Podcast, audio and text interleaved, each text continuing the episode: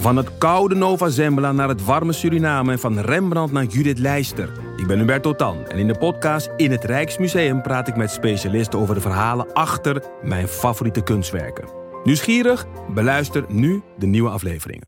In de muziektheatervoorstelling Het Achtste Leven voor Brilka naar de wereldberoemde roman van Nino Haratischvili en in regie van Nina Spijkers vertelt hoofdpersoon Nitsa op meeslepende wijze met veel ironie en humor de dramatische geschiedenis van acht levens uit haar Georgische familie tussen 1900 en nu.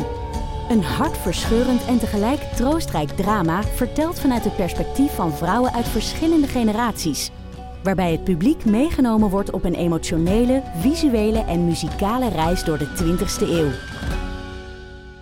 Koop je tickets voor het achtste leven via oostpol.nl. Fijn dat je luistert naar Boeken FM, de literaire podcast van de Groene Amsterdammer en Das Mag. Wil je nooit meer een aflevering van ons missen? Neem dan een abonnement op ons in jouw podcast-app. Zo ben je als eerste op de hoogte als wij weer wat nieuws te vertellen hebben. Wij doen ook vreugdedansjes als we een mooie recensie of gouden sterren van jullie krijgen in jouw podcast-app. En je helpt je medemens omdat wij dan ook beter zichtbaar zijn in hun podcast-apps. Zit je met een vraag of heb je opbouwende kritiek voor ons? Mail dan naar boekenfm.dasmag.nl. Zoals de bekentenis dat hij Catherine vlak nadat ze dood was heeft opgegraven en sindsdien wordt gestalkt ja, maar ja, goed, door het haar is gewoon, geest. Als je, dat, als je dat niet voor je liefde over hebt, dat je er af en toe opgaat. Ik heb al een schep klaarstaan. Ik word namelijk heel oud en mijn geliefde heeft een familie met slechte genen. Dus ik sta klaar hoor, ik sta klaar.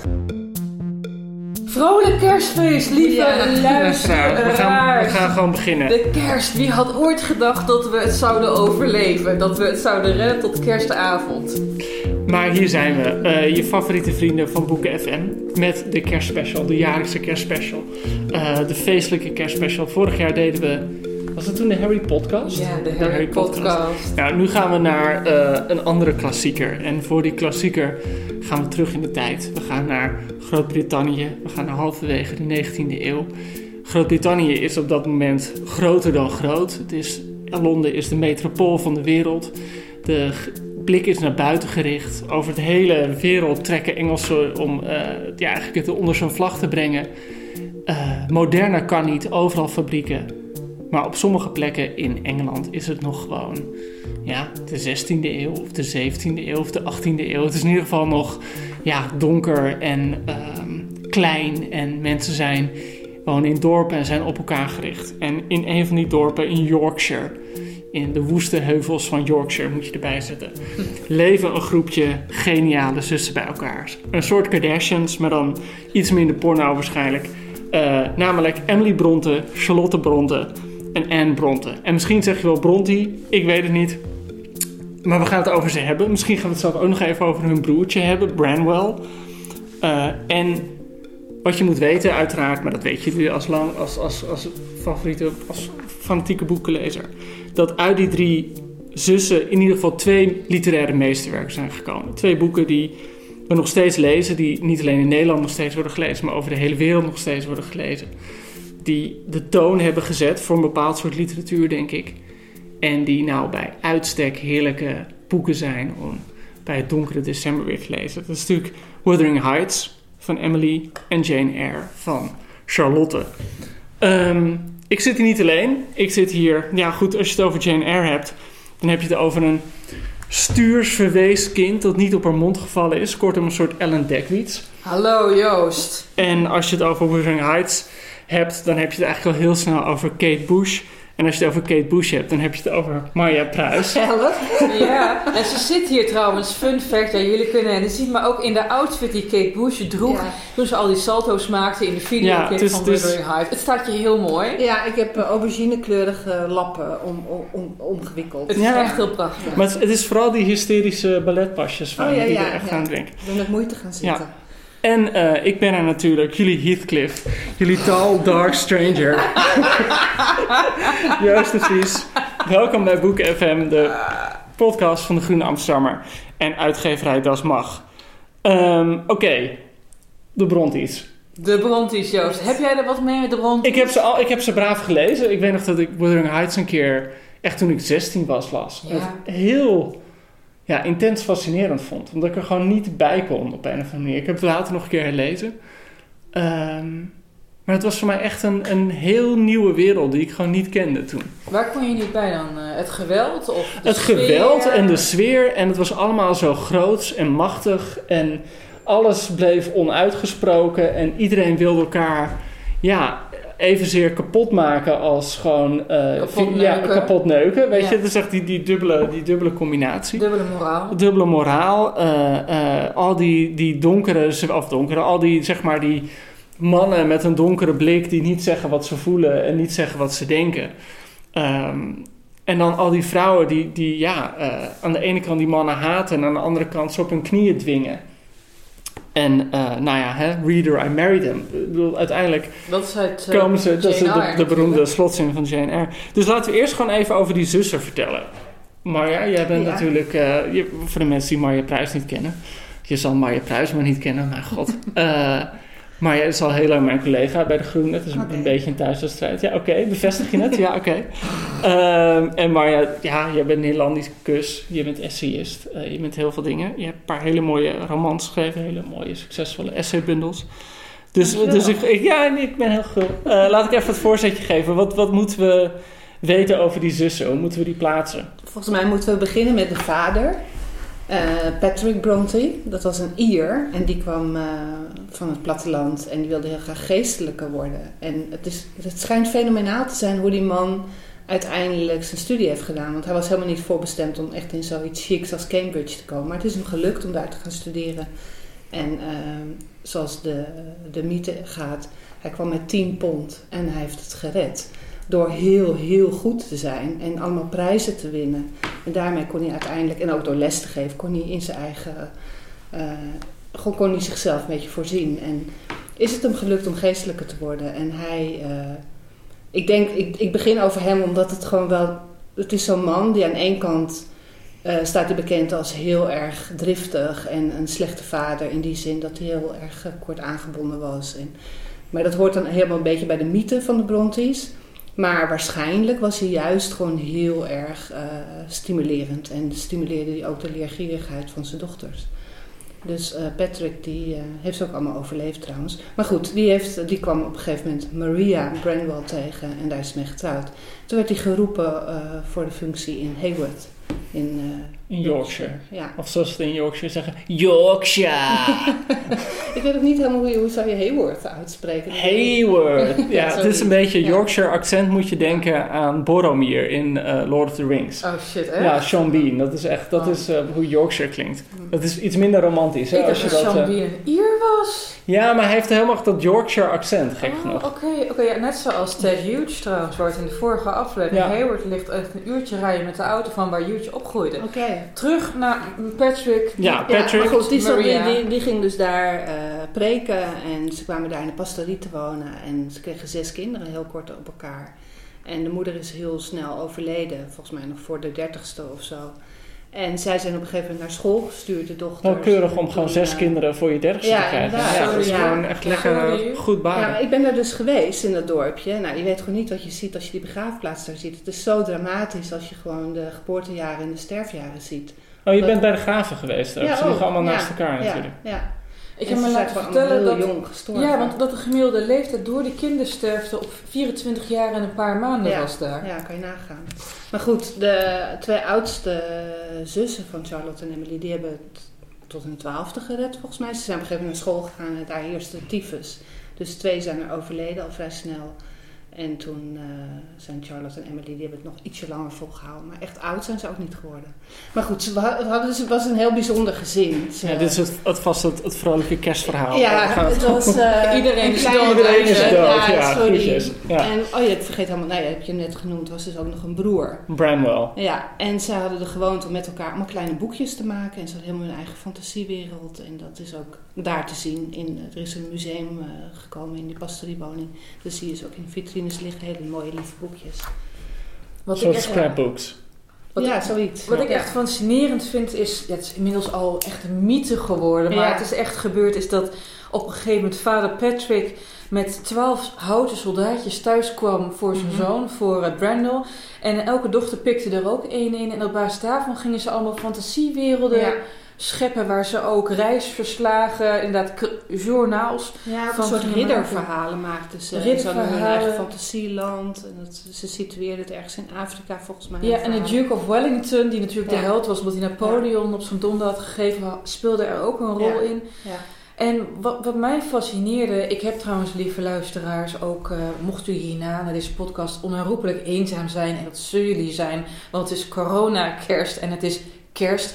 Er staat op Clara, op de podcast van Clara Zuid, staat een hele mooie reeks van Christine Hendricks. Ook over de Brontes. En dan kan je meer horen oh over hun jeugd. Weet, weet, je wat mij opviel trouwens? Mhm. Ze mochten vrij de bibliotheek in van uh, vader Bronte. Ze lazen Thackeray, Duizend en één nacht. Ze lazen de krant, die kids, elke dag. Dat je denkt, maar dat is dus het gekke. Dus aan ene kant is die mythe van een heel geïsoleerde familie... die eigenlijk nergens iets van wist. Het helemaal van hun fantasie moest hebben. En van de moors, van de wandelingen daar. Ja. Maar ze lazen gewoon heel veel. Ze werden dus heel erg stichtelijk opgevoed, juist door die vader. Ja, stichtelijk in, uh, qua intellectueel opzicht. Want ik heb ook gelezen dat alleen Anne eigenlijk van de uiteindelijk vier overlevenden... Mm de enige was die geloofde. De rest was een beetje... Ja, en ik wil niet zeggen losgeslagen. Ja.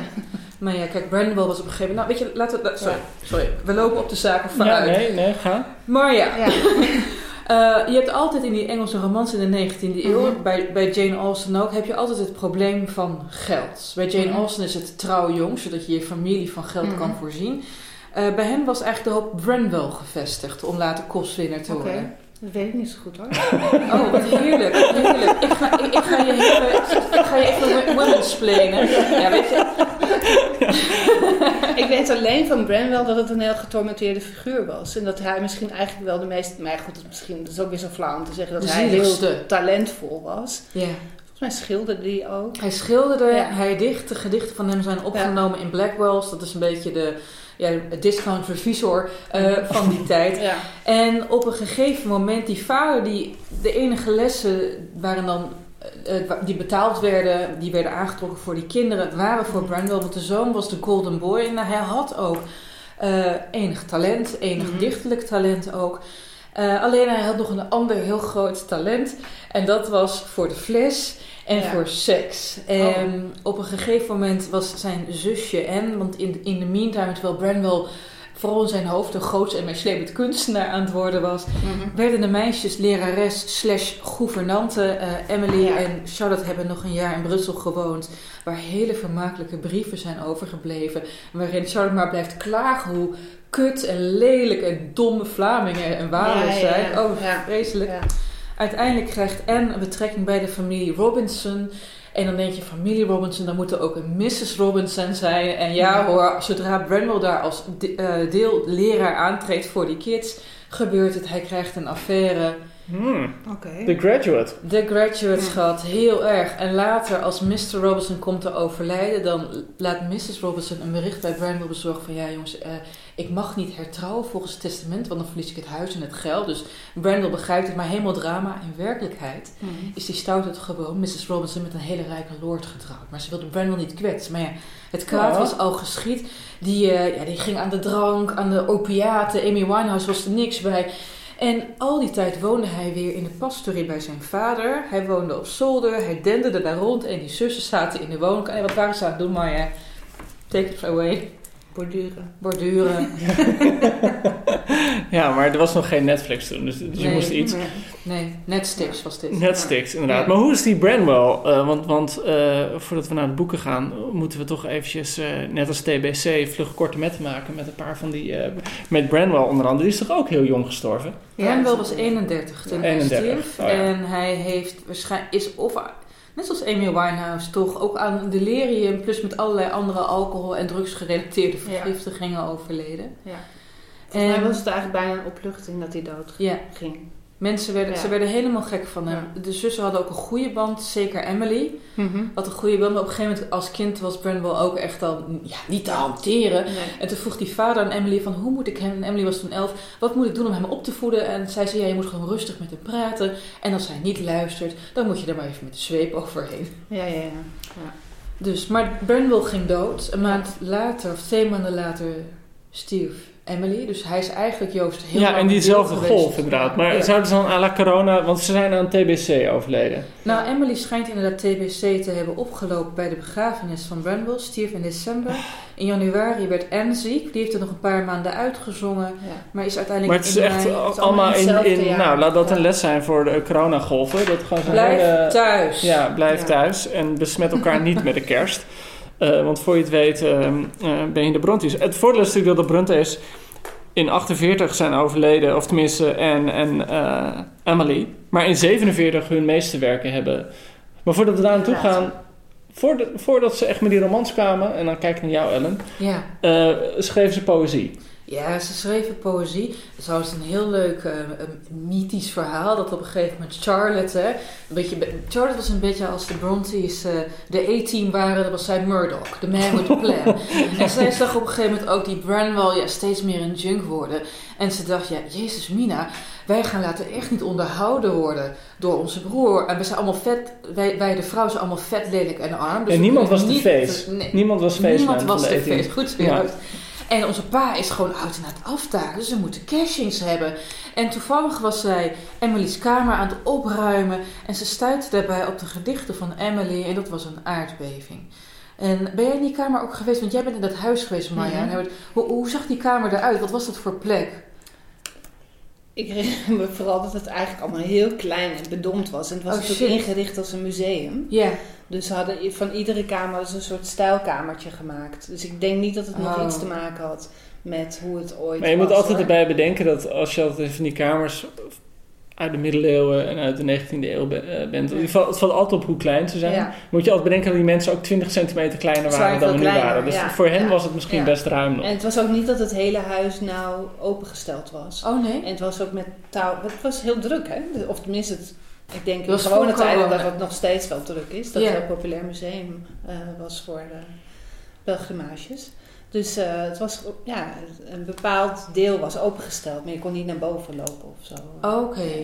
Ik ik heb me laten vertellen dat je wel in elke kamer kan uitkijken op de begraafplaats. Ja, die begraafplaats is, die is omnipresent. Die is ja. in de achtertuin Ja, dat is wel een sfeermakertje.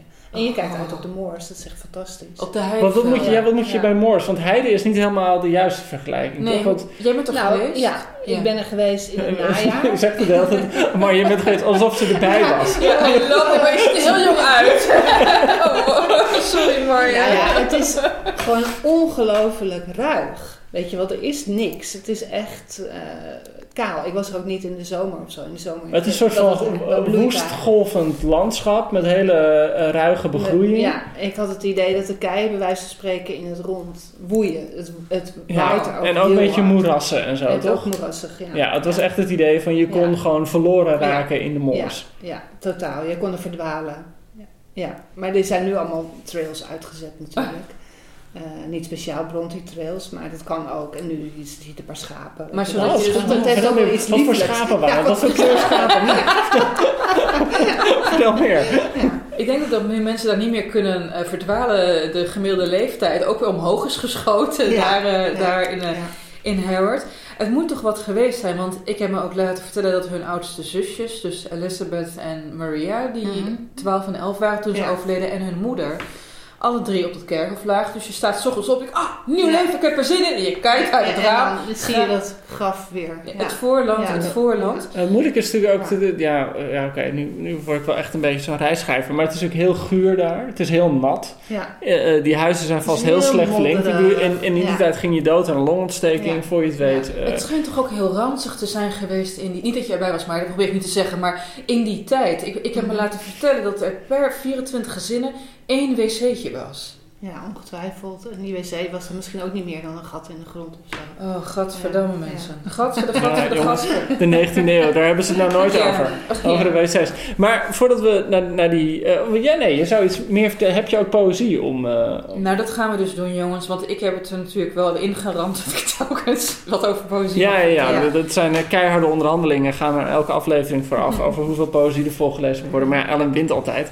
Dus eh, vertel. Dankjewel. Want Emily schreef poëzie. Of ook. Alle, alle drie, Alle drie. eh, eh, schreven poëzie. Emily de meeste. Nou, Charlotte die was lekker aan het snuffelen in eh, ja, die kamer. Eh, Charlotte trouwens, fun fact hè. Mens, officieel Men gokt dat ze tussen de 1,25 meter en de 1,50 meter lang was. Jeetje. Een soort midget, een soort Tyrion Lannister met een brilletje. Nou, die was dus weet je, op een laddertje geklommen en die was in de ondergoedla van Emily aan het snuffelen. En je ontdekt opeens fenomenale poëzie. En je moet je voorstellen, lieve luisteraar, in die tijd, althans, ik heb een 19e eeuwse letterkunde gevoeld bij Mary Kemperink. Hi Mary, die waarschijnlijk luistert. Mhm. En in die tijd was poëzie, correct me if I'm wrong, de eerste literaire kunstvorm. En daarna volgde Ja. de roman. Dat is later pas omgekeerd. Ja. En eh, Emily was al van het gezin een beetje de meest onaangepaste. Een beetje, ja, we zouden nou zeggen, een leerling met een rugzakje. Die kon heerlijk driftig worden. Het is het type meisje dat als zij op straat honden zag vechten... dan stompte ze die honden in het gezicht en trok ze ze elkaar. Je een beetje een idee hebt. En dat soort gedichten schreef zij ook. En Charlotte die ontdekte dat werk en die was blown away. En ik heb twee stukjes vertaald, zodat jullie een beetje een idee hebben. En het eerste, eh, het eerste gedicht heet Now No Coward Soul Is Mine En van wie is dat dan? van Emily. Van Emily. Ja, ik ga alleen de gedicht van Emily Oh, eh, vertalen, eh, eh, behandelen, want gewoon reden, zin in. Ja. En dat, dat is meteen een beetje ook een karakterschets. Want het klinkt in het Nederlands vrij vertaald door yours truly als volgt. Mijn ziel is niet laf. Ze beeft niet voor deze met problemen doorspekte plek. De glorie van de hemel spat er vanaf. Evenals mijn geloof dat me zo bewapent tegen de angst. Ik sla nu een paar interessante strofes over, want er is weinig tijd. Er is hier geen plek voor de dood. Geen atoom ooit zal er door worden geschonden. U bent het zijn en de adem, en wat u bent zal nooit worden ontbonden. Oftewel, de natuurkracht is het grootste wat er is. Ehm, er spreekt hier ook een zeker geloof in God uit, maar Emily van Haar is een heerlijke uitspraak bekend dat religie iets is tussen haar en God. Dus ook als, zijn, als de vader een beetje stichtelijk tegen haar begon te zemelen, zei ze nee, rot op. En ehm, zij was ook helemaal ervan overtuigd dat de natuur gewoon één grote destructieve schepping was. Het draaide Ja. om, en wat jij dus net beschrijft, maar ja, van die, ja, als de keien om je heen vliegen. Ja. Als je, eh, ik googelde vanmiddag nog even de moors bij Yorkshire. Dan zag ik zo'n boom die half omvergeblazen toch maar aan het doorgroeien is. Zo'n Ja, ja. passadeboom. Ja. En eh, van Emily, en dat is trouwens wel, lieve luisteraar, het is nu toch waarschijnlijk de eerste kerstdag. Je bent eenzaam en zielig. Er zijn een aantal ook aan mooie gedichten van Emily die korter zijn. Die kan je opzoeken op Google. Bijvoorbeeld deze. Als er bedrog zat in mijn borst, dan hadden er geen doornen op mijn pad gegroeid. Dan had geen ziel ooit iets zwaars getorst, dan hadden deze tranen nooit gevloeid. Oftewel, wees oprecht, wees jezelf, zelfs wanneer je als je nu een DSM-5 op zou loslaten, misschien zoals Emily een beetje in het spectrum zit, liever met je huisdieren omgaat, eigenlijk ook één bal eh, geweld bent. Emily die is ook iemand die het zonde van de tijd vond om sociaal te doen. Ze vond etiketten niet meer dan een vorm van hypocrisie. En, Maar, maar is het ook heel erg... want wat ik dan denk als je zo die, die poëzie voorleest... eh, kijk, ik zie me helemaal voor, ze, voor me hoe ze daar zitten in Yorkshire, in de moors, in the middle of nowhere. Eh, tegelijkertijd in Londen... eh, het hoofd, de hoofdstad van, van de wereld ongeveer, de culturele hoofdstad in ieder geval, vierde romantiek hoogtij. Met Percy Bessie Shelley, met Lord Byron. Van die gedichten eh, waarin heel erg het lijden wordt verheerlijkt. Weet je, van die mannen die echt zwelgen in hun eigen emoties. Aan de andere kant heb je volgens mij... ehm, ja, Charles Dickens schreef gewoon in diezelfde tijd zijn boeken. Eh, William Thackeray van die Sociaal sociale comedies. satire, eh, maar ik onderbreek je even. Kijk, Sloten ze daarbij aan of waren ze helemaal daar een eilandje van? Nee, nou, kijk, om even terug te gaan. Lord Byron was natuurlijk ook deels satire. Hè? Don Juan, dat was, dat stak de draak. Ehm, zij sloten er in die zin niet bij aan dat het eh, hun... Als ik, als ik alle drie de werken, alle drie de zusters bekijk. Dus, lieve luisteraar, we hebben nog één Bronte-zuster nog niet heel uitgebreid eh, behandeld. Dat is Anne Bronte. Daar gaan we vanwege de tijd ook niet verder op in. Maar zij schreef eigenlijk wat realistische romans. Waar de romans van Charlotte en Emily meer gothic, eh, het mysterie hebben. De verbinding van mensen, mensen hun zielen. Was Anne echt een sociaal realist. En ook Die- meer emancipatoren romans, Ontzettend? Ja. ontzettend. In Ja. een van haar boeken, The Tenant of Wildfell Hall, zegt een vrouw op een gegeven moment tegen haar alcoholistische man, die trouwens ook nog een aristocraat was, dus al helemaal moreel onschendbaar, van ja, dikke vinger, jij bent een eikel, ik ga weg, ik verlaat je. Ja. Daar was men shocked over in die Mhm. tijd. Ehm, ik denk dat de, de, literaire context zeker een rol heeft gespeeld. Ook die van Gothic novels. Dat zullen we zo meteen zien bij Wuthering uh, Heights. Waarin de onbetrouwbare verteller, een servant, vertelt eigenlijk wat geschiedenis is. Dat, oh Weet je wel, het, het horen uit de tweede hand. Uh, maar ook de 18e eeuwse brievenroman, dat zie je bij Anne. Die heeft dat in Tent of Wildfires eigenlijk een epistolaire roman. Maar wat belangrijker is voor die werken van de Brontes, was niet zozeer de literaire context. Mhm.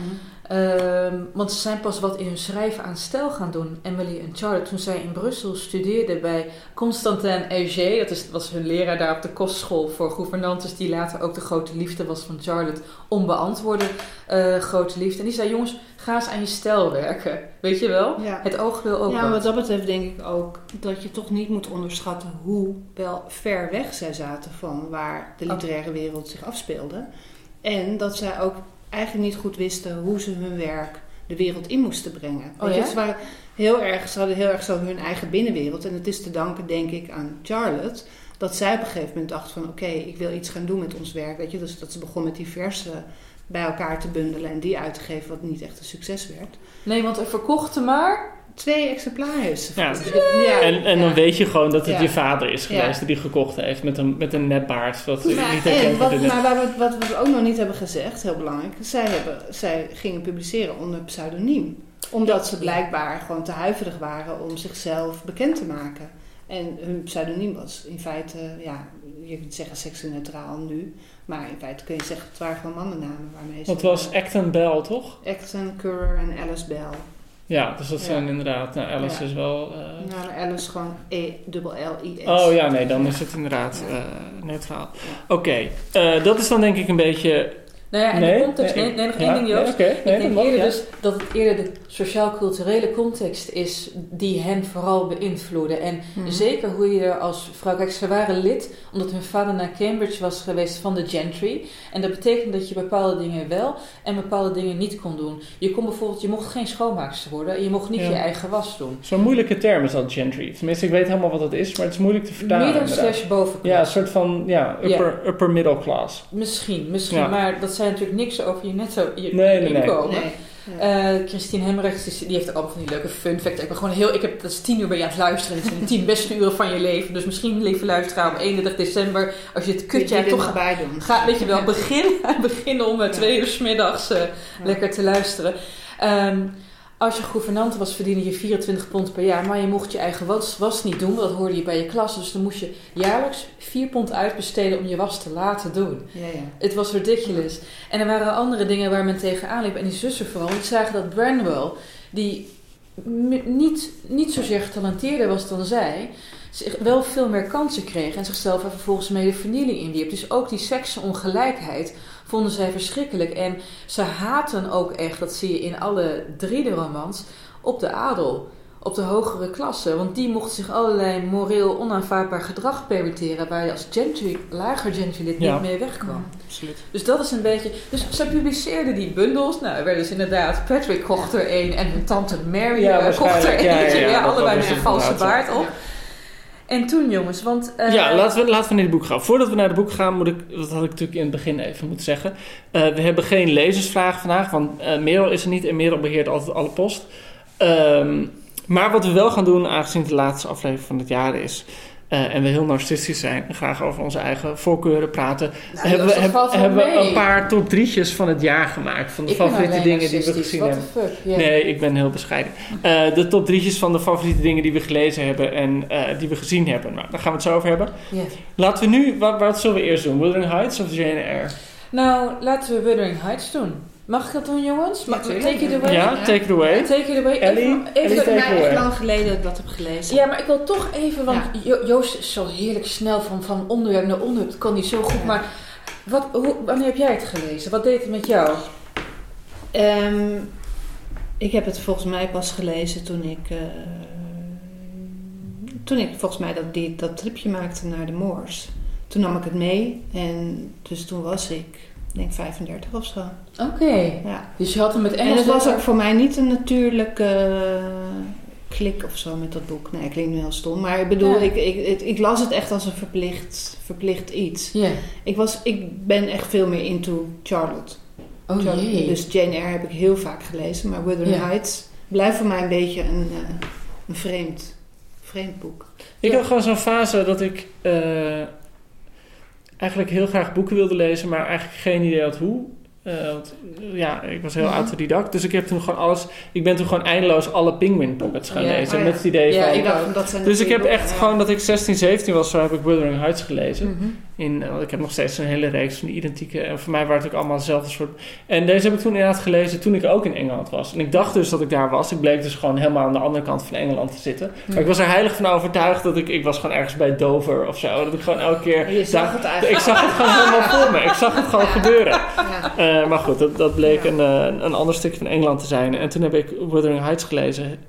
Eh, en ik, ik weet niet, het fijn is als je op die leeftijd dit soort boeken leest. En je hebt nog niet zoveel context, dat het zo'n indruk op je maakt ook altijd. Omdat Ja, je het deed gewoon. het bij jou? Ja, ik weet niet, ik was er echt helemaal weg van. Ik, weet- ik weet wel dat ik het las en de hele dacht van... wanneer gaan ze nou zingen? Want ik had, ik had toch gewoon Kate Bush in gedachten. En ik van, er komt een moment... Ja, dat Kathy gewoon zo op het raam, als geest op het raam van Heathcliff... Heathcliff, it's me! Nou goed, ik, ik zal, eh, als je het wil horen, moet je maar naar je de... geen sopraan bent ook Ja.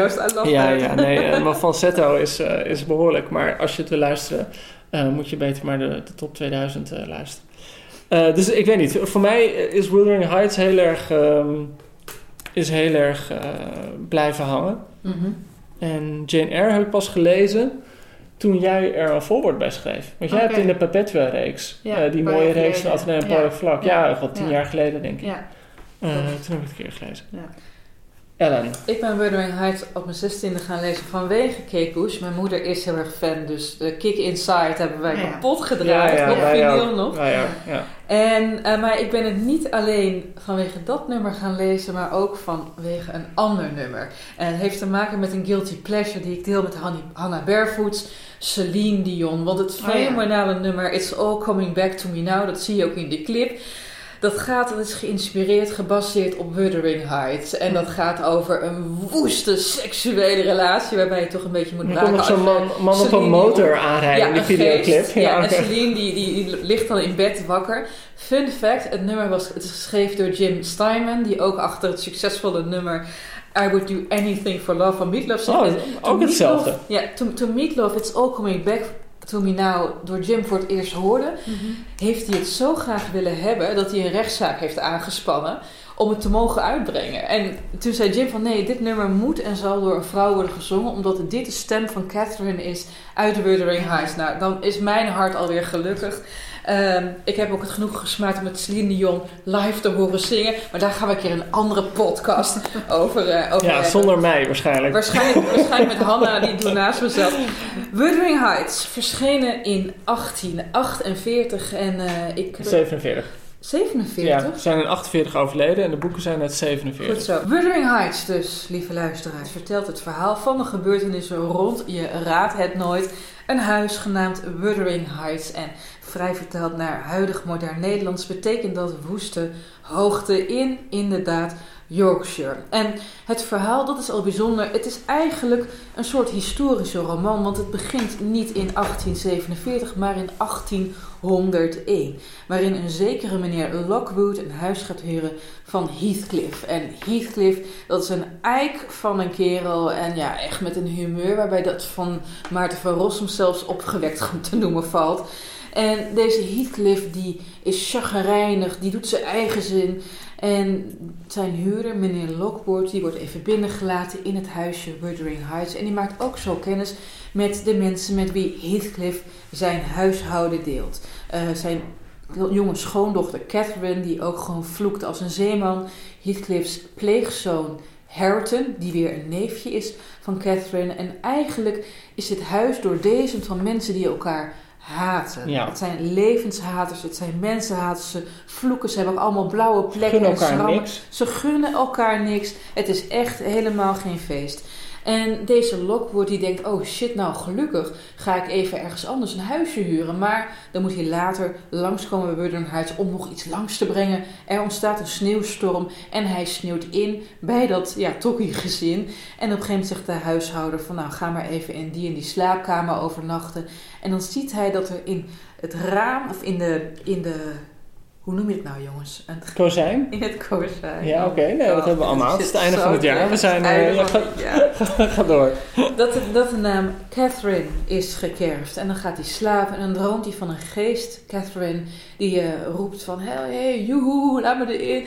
En dan uh, wordt hij wakker en dan staat Heathcliff bij zijn bed, wit heet, dat hij in deze heilige kamer heeft geslapen. En dan vertelt Lockwood van ja, ik luister, ik hoor een geest, een soort Catherine. En Heathcliff trekt wit weg. Lockwood gaat naar zijn eigen huis, die is blij dat hij even van al die gekken af is. En dan blijkt dat de huishoudster, die kreeg je vroeger met huis, nou als je ze huurde was dat nu nog maar zo.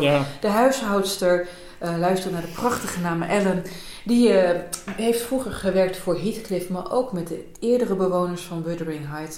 En die gaat vertellen hoe het nou eigenlijk zit. En wat blijkt nou? Het huis Wuthering Heights was ook het eigendom ooit van de familie Earnshaw. En meneer Earnshaw die gaat op een gegeven moment ergens in eh, de 18e eeuw, tegen het einde van de 18e eeuw, op een soort zakenreis naar Liverpool. En daar vindt hij op straat een zwerfkind vondeling. Ouders zijn nergens te zien en zijn hart breekt een beetje als hij het kindje ziet en hij besluit de jongen mee naar huis te nemen. En net zoals veel influencers krijgt ook deze krachtige persoonlijkheid een mononiem als naam, namelijk Heathcliff. En wat een goede naam. Wat een goede naam. En hij stelt, vader Unshaw stelt Heathcliff voor aan zijn kinderen. Hij heeft een uh, zoon en dochter van ongeveer Heathcliff's leeftijd. Zoon Hindley vindt Heathcliff meteen verschrikkelijk, want hij heeft wel door dat Earnshaw meer van Heathcliff houdt dan van zijn eigen kind. En dochter Catherine die spuugt Heathcliff meteen in het gezicht. Heathcliff die geeft er een dreun en daarna zijn het vrienden voor het leven, want ze hebben hetzelfde temperament.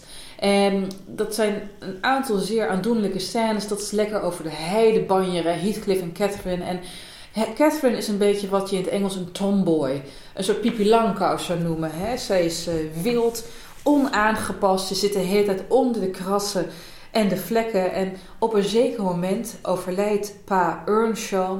Broer Hindley erft het huis en is aan de lopende band Heathcliff, die hij vervolgens degradeert tot een bediende, aan het treiteren. En als gevolg daarvan gaan Heathcliff en Catherine steeds vaker de heide op, weg van het huis. Hindley is op een gegeven moment ook al getrouwd, zijn vrouw is zwanger. En ze zien in de verte een huisje genaamd Thrushcross. Wacht even voor. Thrushcross. Thrushcross? Grave. Ze zien een huisje. Ze zien gewoon een huisje, Ze zien een huisje. Ze zien een huisje. Nou, de halve hondstolle waakhond rent op die twee kinderen af bijt Catherine in de enkel en de heer des huizes, een zekere meneer Linton, komt eraan, neemt uh, Catherine mee naar binnen, ze verplegen haar en hij neemt haar eigenlijk een aantal weken op in zijn gezin, zodat die gemene beetwond, bijtwond kan helen. En dat gezin, dat is belangrijk, bestaat uit Pama en zoon Edgar en dochter Isabella. En die twee kinderen hebben dezelfde leeftijd als Heathcliff en Cathy. En op een gegeven moment komt Cathy weer terug na weken bij die uh, Lintons te zijn geweest. En ze is veranderd in een dametje. Haar haar is gekomen. Ze heeft een prachtige jurk van zijde aan. De hond die is helemaal blij. niet, niet de hond van de Lintons, maar de hond van de Earnshaws. Dat het baasje weer terug is. Maar ze wil niet dat hij tegen haar opspringt. Omdat ze haar kleed schoon wil houden. En daarmee is iets wezenlijks veranderd. Zij is van een natuurkind een gecultiveerde dame geworden. En Heathcliff ziet dat, die merkt de afstand al tussen hen. En op een zeker moment gaat deze Edgar Linton steeds vaker Catherine bezoeken. En je voelt hem als lezer al aankomen. En deze Edgar Linton is wel een hotte boy, hij is wel knap en zo. Maar hij heeft, net zoals zijn zusje Isabella, en dat beschrijft Bronte echt heel prachtig, mooie, blauwe, lege ogen. Kijk, dat soort beelden, geweldig. En op een zeker punt is het Heathcliff, die zit ergens uh, in een donker hoekje, dus niemand let op hem. Hij wordt ook beschreven als een gypsy, dus hij is een beetje stealth-modus in een donkere omgeving. En dan hoort hij een gesprek tussen deze Ellen en Catherine en zegt ze, ja, Edgar wil met me trouwen. Ik heb ja gezegd, maar het voelt slecht, want mijn hoofd en mijn hart passen niet bij hem. En dan zegt Ellen, ja, je kan toch veel beter met Heathcliff trouwen? En dan zegt Catherine, nee, dat zou degrading zijn. Dat zou vernederend ja, zijn. hij is toch het zigeunerjongetje? Ja, precies. Precies, hij heeft geen property. Ook belangrijk, hij heeft geen klasse. Nou, Heathcliff hoort dit, confronteert Catherine er niet mee. Maar die maakt zich uit de voeten. Fast forward. Drie jaar later. Catherine en Edgar zijn getrouwd en die hebben een stabiel en dus doodzaai huwelijk. En dan keert Heathcliff opeens terug. helemaal fortuin gemaakt. Het blijft heerlijk schimmig waar aan. Ja, ik veel loverboyschap, prostitutie, gokken. Ja, het is heel niet. dubieus inderdaad. Ja. Je hebt geen idee, maar het kan niet zuiver zijn geweest. Heathcliff huurt van zijn pleegboer Hindley, die hem nog steeds haat overigens, een kamer op Wuthering Heights. Ook belangrijk, Hindley's vrouw is overleden bij de geboorte van hun zoon, Hareton. En die Hareton gaat zo meteen nog een grote rol spelen, maar die wordt op dit moment vooral verwaarloosd. En is aan het opgroeien als eenzelfde vloekend sujet als zijn vader. Hindley die heeft ook een nieuwe hobby, namelijk gokken en drinken.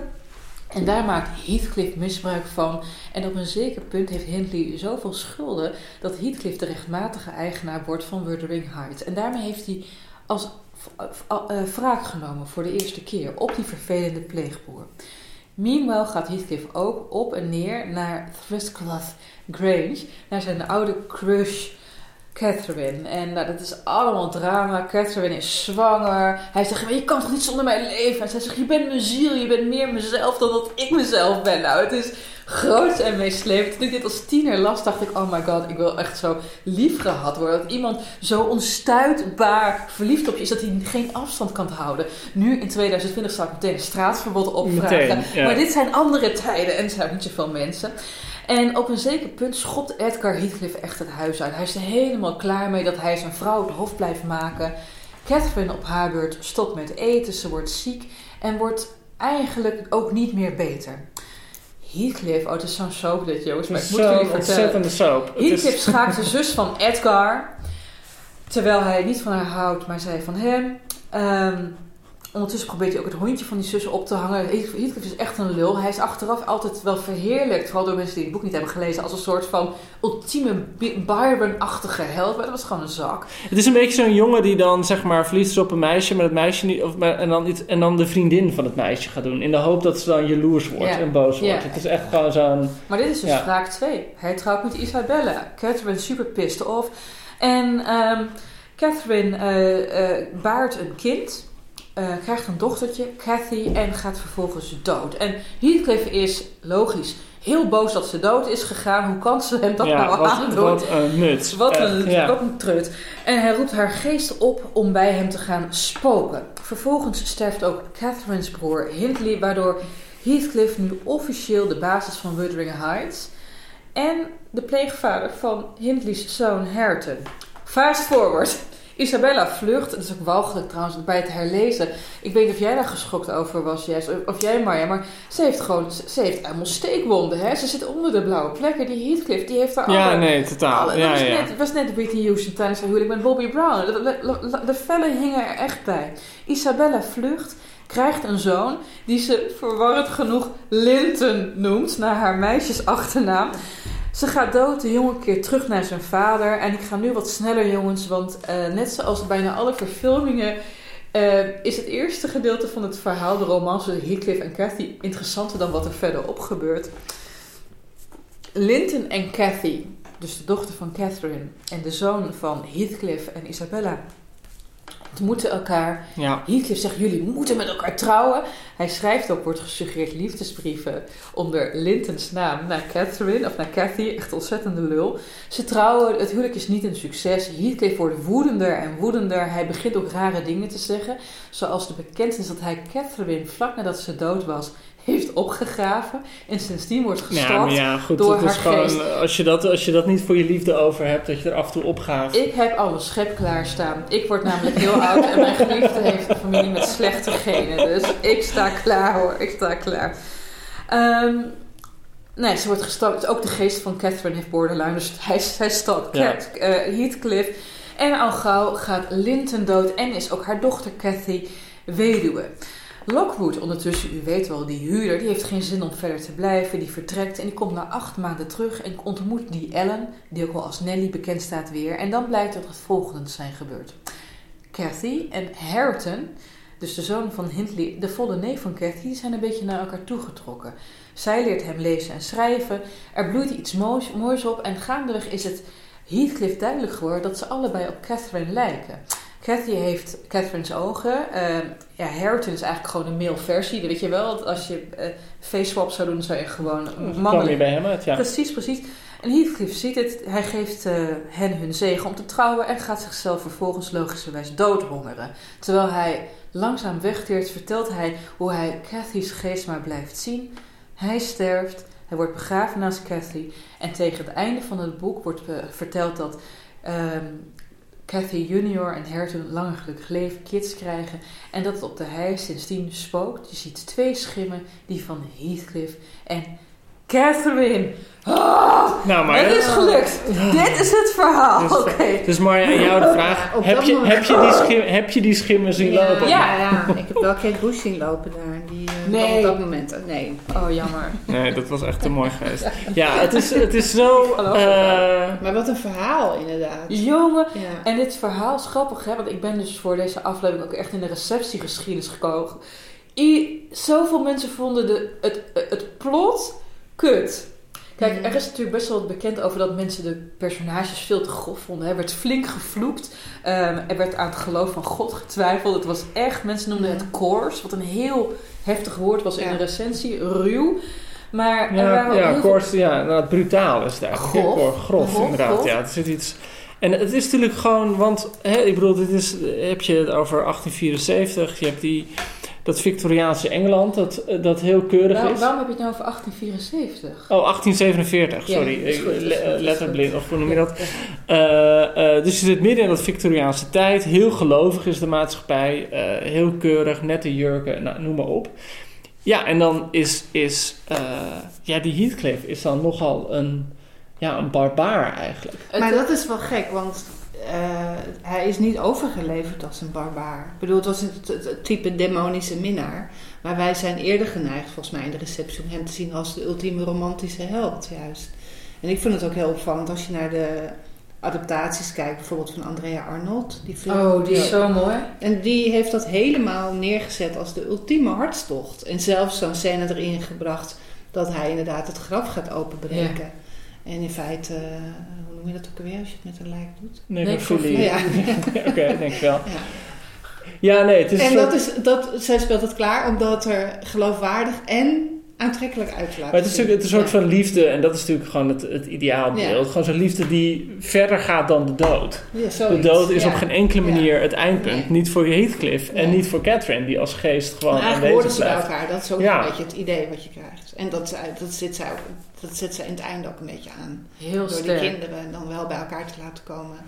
Ja, en ook door, want het is natuurlijk een enorme... Ehm, uh, wraakgeschiedenis. Mhm. Dat geeft het plot ook iets geconstrueerd, wat, wat het natuurlijk is. Maar uiteindelijk komt alles soort van uh, goed, maar niet dat er heel veel mensen kapot zijn gegaan aan één verkeerde keuze. Want je zou kunnen beargumenteren dat als Catherine gewoon met Heathcliff was getrouwd en zich niks van klasse had aangetrokken, mhm. de generaties na het makkelijker hebben gehad. Maar wat mij opviel toen ik dus de, de recensies las uit die tijd, uit halverwege de 19e eeuw, mensen vonden het natuurlijk een lomp boek. Uh, maar ze vonden ook bepaalde technische aspecten van de roman gewoon heel slecht. Ze vonden het ongeloofwaardig. Ze vonden de opeenvolging van gebeurtenissen vonden ze heel erg ja, gemaakt. En ik moet zeggen, toen ik het boek herlas, dacht ik ook van ja, Lockwood en Nellie Dean, die hebben dezelfde vertelstem. Die vertellen en praten op precies dezelfde manier. Hmm. En natuurlijk focaliseert hij het verhaal dat zij op Hubert weer focaliseert over Wuthering Heights. Maar het is toch storend. En uh, telkens wanneer je denkt, nou, uh, ik vraag me af wat er nu. Wat, dat je als lezer met vragen zit van hoe weet personage A over B. Dan zegt Nelly: Oh ja, want dit kunnen ze weten. Want hier heb ik de brief toevallig na 30 jaar nog in mijn schort zitten. Je kan het even lezen en dan lees je het. Dat, sowieso is dat heel Dat is heel sukkelig. Dat in heel, ja. maar het is wel iets wat je echt in heel veel van die 19e eeuwse romans zijn. Dat het brievenromans zijn of dagboekenromans. Van die romans, ik bedoel, uh, Dracula is een mooi voorbeeld. Die gewoon uit allemaal verschillende brieven en dagboeknotities als soort van bij elkaar is gebracht dat, dat hele idee van zo'n zo'n vlotte roman met één vertelstem. Ja, Dickens heeft dat natuurlijk heel populair gemaakt. Maar daarvoor was het inderdaad veel meer. Uh, ja, alsof er verschillende documenten bij elkaar Brievenromans? Brieven, ja, heel veel brievenromans. Brievenromans? Ja. ja, nou ja, nou hier ook. Maar uh, er waren ook zelfs recensenten die zeiden van... Ja, luister, Ehm, een aantal huwelijken wordt onder dwang afgesloten in dit boek. Dus daar hadden ze makkelijk onderuit. Dus daarom, ga, op juridische gronden, geloven ze niks van het verhaal.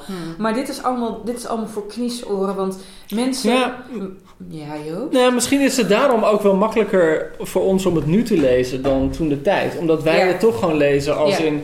Dit speelt zich in een diep donker... Uh, onzichtbaar uh, wereld af waar we niet meer naartoe kunnen. Ja. Uh, waardoor je het ook makkelijker accepteert, al die dingen. En dat ik het voor het eerst las, dacht ik op geen enkele manier van... goh, onsmakelijk, hij graaft een lijk op. Of goh, wat raar dat ze allemaal zo elkaar tot huwelijken dwingen. Je denkt alleen maar van, wauw, dit is gewoon...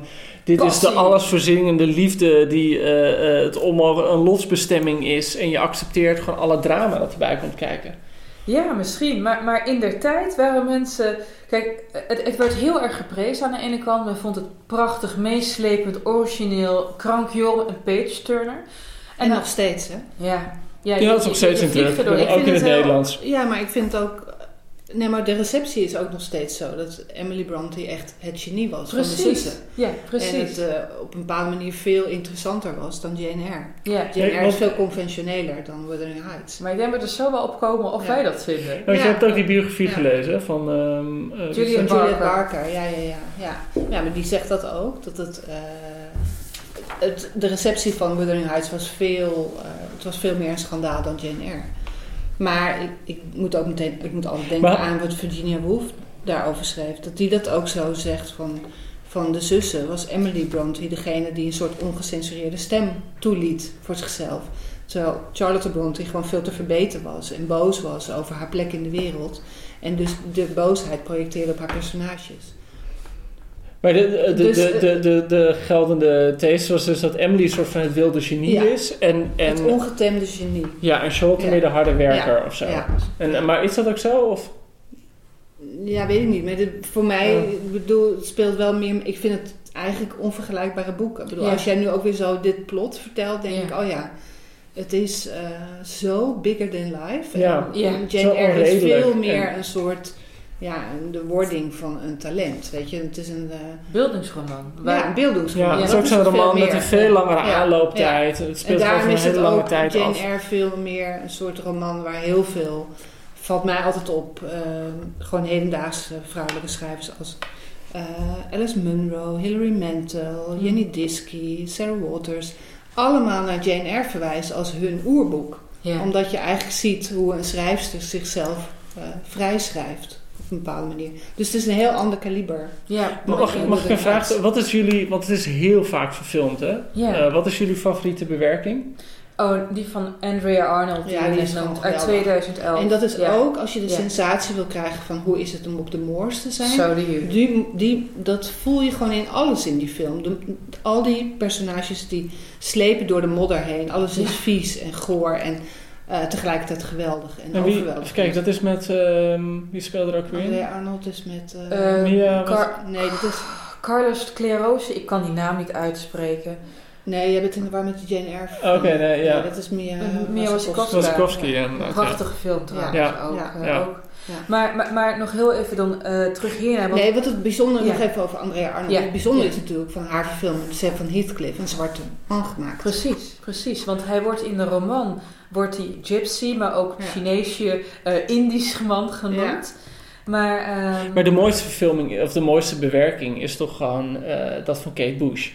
Nee, dat, nee, het liedje, nee, het liedje nee, gewoon. Nee, Celine Dion is All Coming Back To Me Now. Ik ken Celine dat ja, ik ken ik niet. Ik vind het wel een van de beste nummers van Celine Dion. Ik vind het wel gek dat, ja. dat, dat inderdaad dat nummer van Kate Bush, hoe ja. eigenlijk hoe, hoe idioot dan ook, je kunt het gewoon niet meer loszien van, van boek, de roman. Maar, die hysterie zit er zo goed in. En dat wanhopige. Ja. En, en ook ja, die, die, die idiote videoclip erbij. Waarin ze gewoon een soort gewaad door het bos danst. Ze werpt zichzelf de hele tijd zo eigenlijk tegen de klippen op als het ja, ware. maar de hysterie die zit in dat nummer.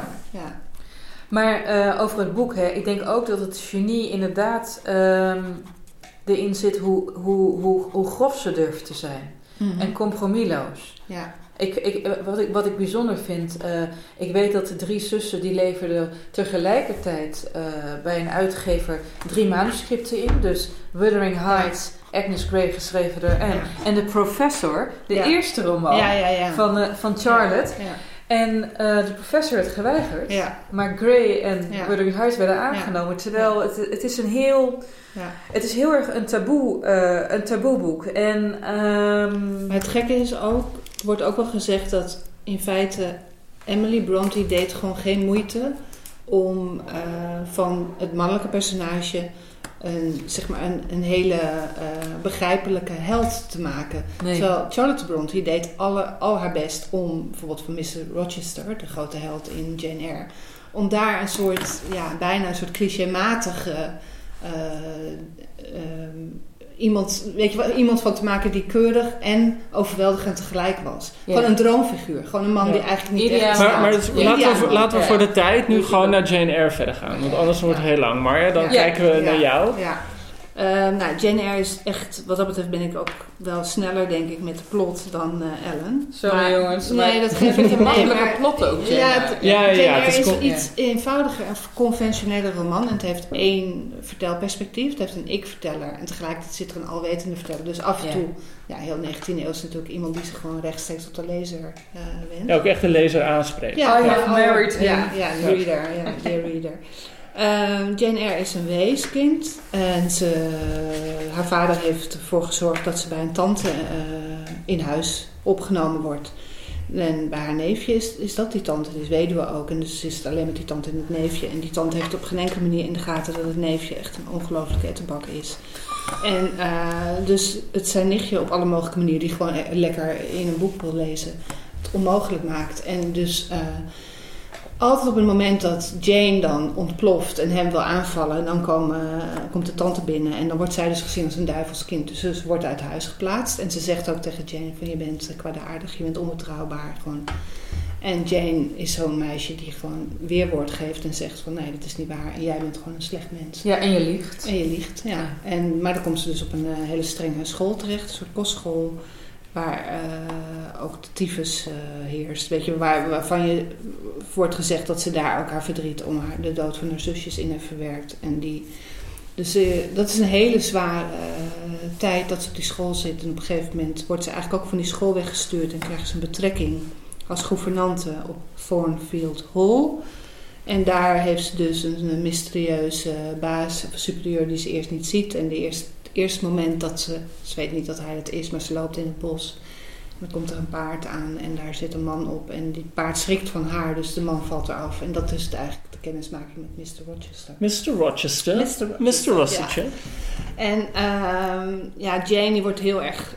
Heel vaak wordt er gezegd dat ze plain is, dus ze is lelijk. Maar ja, lelijk is ook een weer Ja. een hard woord. Dus het is Ja, het is niet gewoon ze ugly is Niet bijzonder gewoon. Nee, het is ze gewoon, is gewoon een nieuw ze heeft bloempje een soort zo. dagelijks gezicht. En, Het wordt de eh, hele tijd benadrukt. Ja, en de eerste keer dat ze gewoon officieel ook eh, thee mag drinken met Mr. Rochester, dan zegt hij dat ook tegen haar. En hij zegt dan wel ook nog van, oké, ik ben zelf ook niet heel erg handsome, maar jij bent wel heel erg plain. Ja, het is altijd Dus is fijn wel als je het gewoon Ja. direct tegen iemand zegt.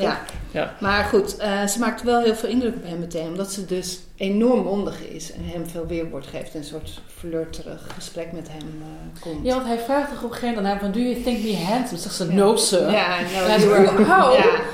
Savage, Ja, en op een gegeven moment zegt hij ook tegen haar van, am I hideous? En dan zegt ze, yes, sir, you always were. ja.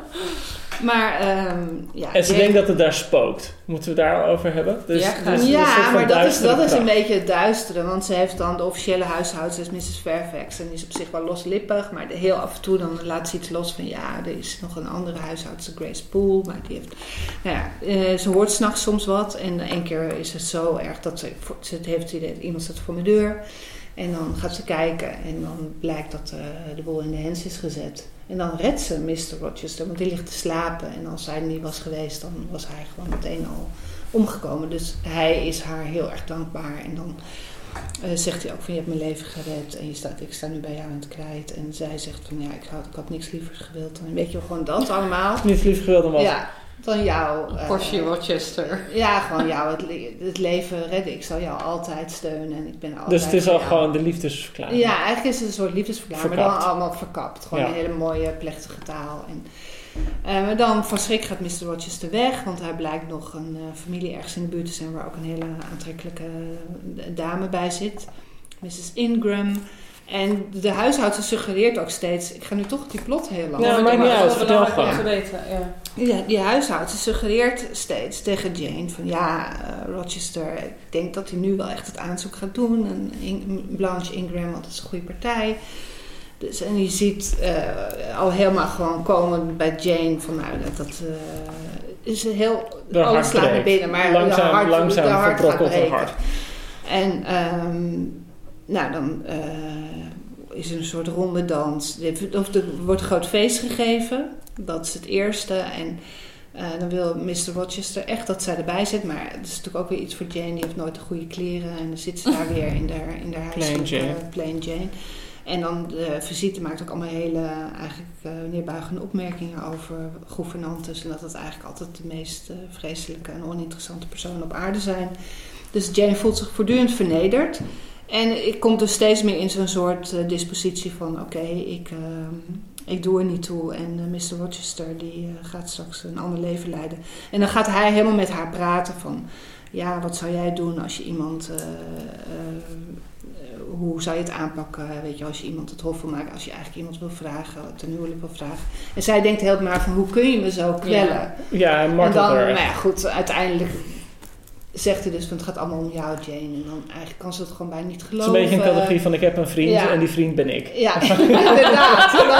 Ja, dan wordt het helemaal zo langzaam Ja, opgebouwd. Ja, Het is toch een enorme opluchting op een of andere manier. Maar goed, eh, dat is dus het interessante van het karakter van Jane Eyre. Dat het is iemand met een enorm eh, high self-esteem. Aan de andere kant zich heel erg bewust van de lage positie. Ja, ze kan zich niet Iemand- voorstellen dat het geluk voor haar is Nee, weggelegd. en echt zo iemand die voortdurend bezig is met zelfstudie en niks echt heel goed kan. Weet je, ze tekent, ze speelt piano, maar alles op een bepaald niveau. En eh, nou goed, dan eh, blijkt dus toch Mr. Rochester de, haar te willen. En dan Gaan ze. gaan, wordt dus het huwelijk- Ja, eh, nou. Maar, Maar, dan is er ja, het huwelijk, eh, een sluier, alles. Ehm, maar dan. ehm, Ja, zijn er nog, is er nog Ah. iemand... Nou, Ja. Zwijg nu of eh, is er Ja. nog iemand die een bezwaar het- maakt het tegen is- dit huwelijk? Maar Of- eigenlijk, eh, ja, voor de goede lezer voel je dan al een beetje aan van... Hmm, Mr. Rogers is opeens, heeft opeens wel heel veel haast Ja. met het huwelijk. Dus ze snellen naar de kapel en ze zijn met z'n tweetjes. En dan, nou echt het, het moment, heeft iemand bezwaar tegen het huwelijk... wordt gebonst op de deur en dan komt iemand binnenrennen met een brief... En die spreekt namens de broer van de wettige echtgenote van Mr. Rochester. Oh. Dus hij blijkt toch getrouwd te zijn. Ja, en nou goed, dus dat is een enorme deceptie. En dan krijg je hele lange gesprekken tussen Jane en eh, Mr. Rochester. Waarin hij haar bezweert dat hij haar wil en dat het huwelijk niks is. En dat die vrouw gek is. Hij laat haar die vrouw zien. ja, De- die vrouw is dus... Ja, de vrouw blijkt dus... Dat spook eh, op zolder. Het spook op zolder te zijn. Degene, die, ja, de mad woman in the attic. Ja, dat is echt zo'n gevleugelde term hè? In, Ja. in de, de Engelse literatuur. De mad woman in Ja, the attic. en hij vertelt dus aan haar, zo legt hij het aan haar uit, van ik ben eigenlijk een beetje ingeluisterd bij een eh, reis. Hij was, was het naar Martinique? Jamaica? Ja, Martinique. Ja, Ja. Eh, eigenlijk was al bekend dat er een soort gekte in die familie zat. Maar ik had het geld nodig. Mijn vader heeft er heel erg op aangedrongen. Nou, bla bla bla. Dus allemaal excuses. En Jane hoort het aan. En Jane denkt van ja, nee, eh, hoe dan ook. Ik, eh, Wegwezen. wegwezen. Dus zij rent weg. En dan eh, komt ze weer in een volgend eh, tragische setting terecht. Bij een heel, heel liefdevol wordt ze opgevangen door eh, heel gelovige mensen. Eh, weet ik even zijn naam niet meer. St. John. St. John, ja. Ja. St. John En River. zijn, ja, St. John River. Ja, En zijn, zijn zussen. en zijn zussen, ja. Twee zussen. En daar eh, wordt ze onderwijzeres. Er wordt een schooltje. St. John heeft zelf een schooltje voor jongens. Zij krijgt een schooltje voor meisjes. Dus het lijkt oké. En dan is ze eigenlijk ook weer blij. Ze heeft een goede betrekking. Ze is nu eindelijk op zichzelf. En dan St. John, die, eh, die vindt haar wel heel, erg- een hele geslaagde figuur. En die, eh, die is geroepen om naar India te gaan, om daar het goede woord te verspreiden. En die wil graag dat zij missionarisvrouw wordt, dat ze met hem meegaat. En dan zegt ze van, ik wil met je mee als zus, maar niet als vrouw. En ja, dat kan niet. En dan wordt hij boos. En Uh, gelukkig op dat moment is dus ze lopen ze buiten weer, weer op die moors en dan hoort ze een stem of ze hoort haar naam. Over de moors. Over de moors. Dat is dus het gothic element in Jane Eyre. Ja. Opeens hoort ze gewoon, ze weet van oh god, er is iets met hem, ik moet terug naar hem. Maar en dan, je, je, je, vergeet een heel belangrijk ding. Ja. Want Jane is op dat moment, nee, fucking loaded hè. Want oh, is dat dan al gebeurd? Ja, dat is dan al gebeurd. Die ja. kuttante die naar de meisjesschool stuurde, waar iedereen doodging aan een tyfus. Ja. Die uh, roept haar bij zich van, ja, Jane, je hebt eigenlijk kunnen oom in middle of ja. nowhere, oh, Madeira. Ja, ja, tuurlijk. Dat is zo'n goede 19e eeuwse traditie in Engelse literatuur. Dat er altijd ergens een overleden oom is. Ja, net zoals Oliver Twist. Oliver Twist, hier, een zak geld, je bent rijk. Ja, nee, maar ze blijkt dus heel rijk. Maar, maar ga door. Ze, loopt over de moors. Ze loopt over de moors. Wat gebeurt er? Wat gebeurt er? Nog een belangrijk ding, jongens. Dan blijkt niet alleen blijkt ze knalrijk te zijn, maar dan blijkt uiteindelijk ook Sint John en zijn zussen blijken haar cousins te zijn. Die blijken familieleden. Dat is zo stom en kut. Nee, ja. eens meer. Ja, het zijn haar neef en nichten. Oké, nou dat is wel te veel clue eigenlijk. Ja, ja zo jammer. Maar, ja. maar in, de, voor de naam van, in de naam van God, werk na die conclusie toe. Ik, Zo hoort die stem. Zo hoort die stem. de moor. Ze zegt nee, nee, nee, de andere. Maar wat ziet zij? Dat, wat dat ziet ze? waanzinnige, prachtige, majestueuze en ook wel een beetje sinistere Thornfield Hall is in de as gelegd. In de as? Ja, is een ruïne. En uit die ruïne komt dan toch nog magisch de Mrs. Fairfax, de oude huishoudster. En die vertelt haar dan dus dat... Onder de uh, asbest? Ja, die vertelt haar dan dat de, de Mad Woman uh, toch op een nacht gewoon niet te houden was. En de boel, het, het, dat het er gelukt is om de boel in de fik te zetten. En dat Mr. Rochester zijn best heeft gedaan om iedereen te redden. Ook haar? Ook haar. Maar zij is dood. En zij stond en, zij, en hij wilde haar kost wat kost proberen te redden, maar zij sprong en zij is dood. En dan, ja, maar waar is hij dan? Ja, hij zal wel ergens daar in het park zitten. En dat is gewoon heel mooi, want dan loopt ze daar door het park en dan ziet ze hem zitten, ziet ze een man zitten met zijn hond op een bankje en hij kan niet meer zien, hij is blind. Hij mist een arm. Ja, hij mist een arm ook nog. Ziet er niet uit. En dan eigenlijk is hij een beetje zo uh, arglistig van, hé, hey, word ik daar een tred? En dan legt ze de hand op zijn uh, arm en dan uh, voelt hij dat gewoon al, dat het haar hand is. En dan krijgen ze een gesprek. Is het you, Jane. Yes, it's me. En dan zegt ze opeens zijn voornaam. Edward. Ja. Dus voor het eerst. En toen moest ik toch even denken, ja, een beetje uh, banale associatie. Toen moest ik toch even denken aan Mr. Big in Sex and the City, laatste aflevering. Die heeft ook bezig voor. Ja, ja, je, Big. John. Is, ja, John. Je hebt zo, dat zie je dan op het beeldscherm van Carrie. Je hebt gewoon de hele serie. Joost, dat jij dit weet. Ja, ja. Nee, ik, ik, keek die serie alleen voor Mr. Big. Toen dacht ik, kijk. Ja, maar Mr. Big is in feite gewoon Mr. Rochester. Gewoon, ja. Iedere vrouw heeft wel een Mr. Rochester in haar leven. Oh, maar, oh, dat is een andere uitzending. Uh, maar, oh ja, vertel. Maar ga door. Ga, nog, ga nog even door. En, nou, en dan hebben ze dus, dan bezweren ze elkaar, de liefde. En dan het verlossende, Rita, I'm married. Dat is de slotzin. Nee, nee, nee, nee, het is de eerste van het slothoofdstuk. Want het is niet het hoofdstuk. Eindigt ze met, met St. John. Die uh, la la la vast in India zijn best doet. Maar ik verwacht ook met een bericht dat hij dood is. Maar hij doet zijn best voor Jezus Christus. Ja. Dus het, eind... het is een heel stichtelijk einde. Het is een heel, heel raar einde. Het maar is... dat Reader, I married him, dat toch nog eventjes, vind ik wel helemaal typisch Jane Eyre. Ze zegt niet he married me, nee, Precies. I married him.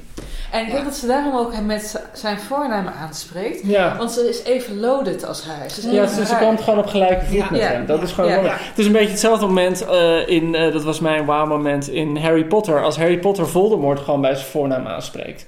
Tom? Ja, zeg, opeens noemt hij hem Tom in het einde. Van kom op Tom. En dat is gewoon zo'n zo'n zo'n klassiek moment dat opeens Harry gewoon op hetzelfde Call niveau me by your name. Zo Call me by your name, maar dan, dan anders. Ja, ja. Zo'n Neeltje Maria Min moment. Het is wel waar ik altijd over na zit te denken met Mr. Rochester. Hij, hij past wel op een bepaalde manier in zo'n hele lijn met van die... Uh, ja, vooral 19e eeuwse Engelse personages. Van die beetje Pride and Prejudice-achtige type. Een beetje Mr. Darcy. Van die mannen die heel trots zijn. Mhm. En ook heel arrogant doen naar de vrouwen toe. en dan eigenlijk in de loop van het boek toe... Op, meestal door de vrouwen toch op hun knieën worden gedreven. En dan uiteindelijk toch hun hart openen. Dat is toch wel een soort van het romantische ideaal van, van dat, dat patriarchale uh, Victoriaanse Engeland. Dat ze toch, als het erop aankomt, dan, dan, dan komen die gevoelens tevoorschijn en, blijken ze heel en die uh, zijn daardoor lief. des te echter. En ze zijn precies. acuut monogaam in een tijd waarin overspel gewoon ja, de hobby van de bourgeoisie was. Ja. Ja. Je, het boek trof jou toen je het voor het eerst las. Ja, omdat het ook op een bepaalde manier een soort meisjesboek is. Ik bedoel, ik Ja. denk echt dat ik het voor het eerst las toen ik tien was. En je Oh, kan het zo- dan ah! ook lezen. Je kan Ja. het ook lezen als je tien bent. Ja, ja klopt, klopt. En wat natuurlijk ook hielp, zijn al die televisieseries die gemaakt werden. Ik bedoel, iedere drie jaar was er wel een nieuwe Jane Eyre op tv te zien. Ja. Maar ik vond het echt altijd een heerlijk verhaal. En pas als je het weer later leest, lees je er weer nieuwe dingen in. Ook met het spel met die verteller bijvoorbeeld. Maar als kind valt je dat helemaal niet zo op. Ik vind het zo mooi dat zij op een gegeven moment staat ze tegenover Rochester en dan denkt ze dus nog steeds dat hij haar vraagt hoe hij die andere chick ten huwelijk moet vragen. En dan zegt ze ja, ik ben misschien wel lelijk en fucking arm, maar als ik mooi was en geld had, dan zou het voor jou net zo moeilijk zijn om mij te verlaten als Ja, ik ja. nou jou verlaten moet. Ja. En toch sta ik hier. Ik heb, ik heb, mijn, mijn ziel is gelijk aan de jouwe. Ik vind dat, dat de, Christine Hemmerich die noemt het een soort universele verklaring van de rechten van de Oh, mens. ja, prachtig. Ja, een soort waardigheid van de mens. Ja.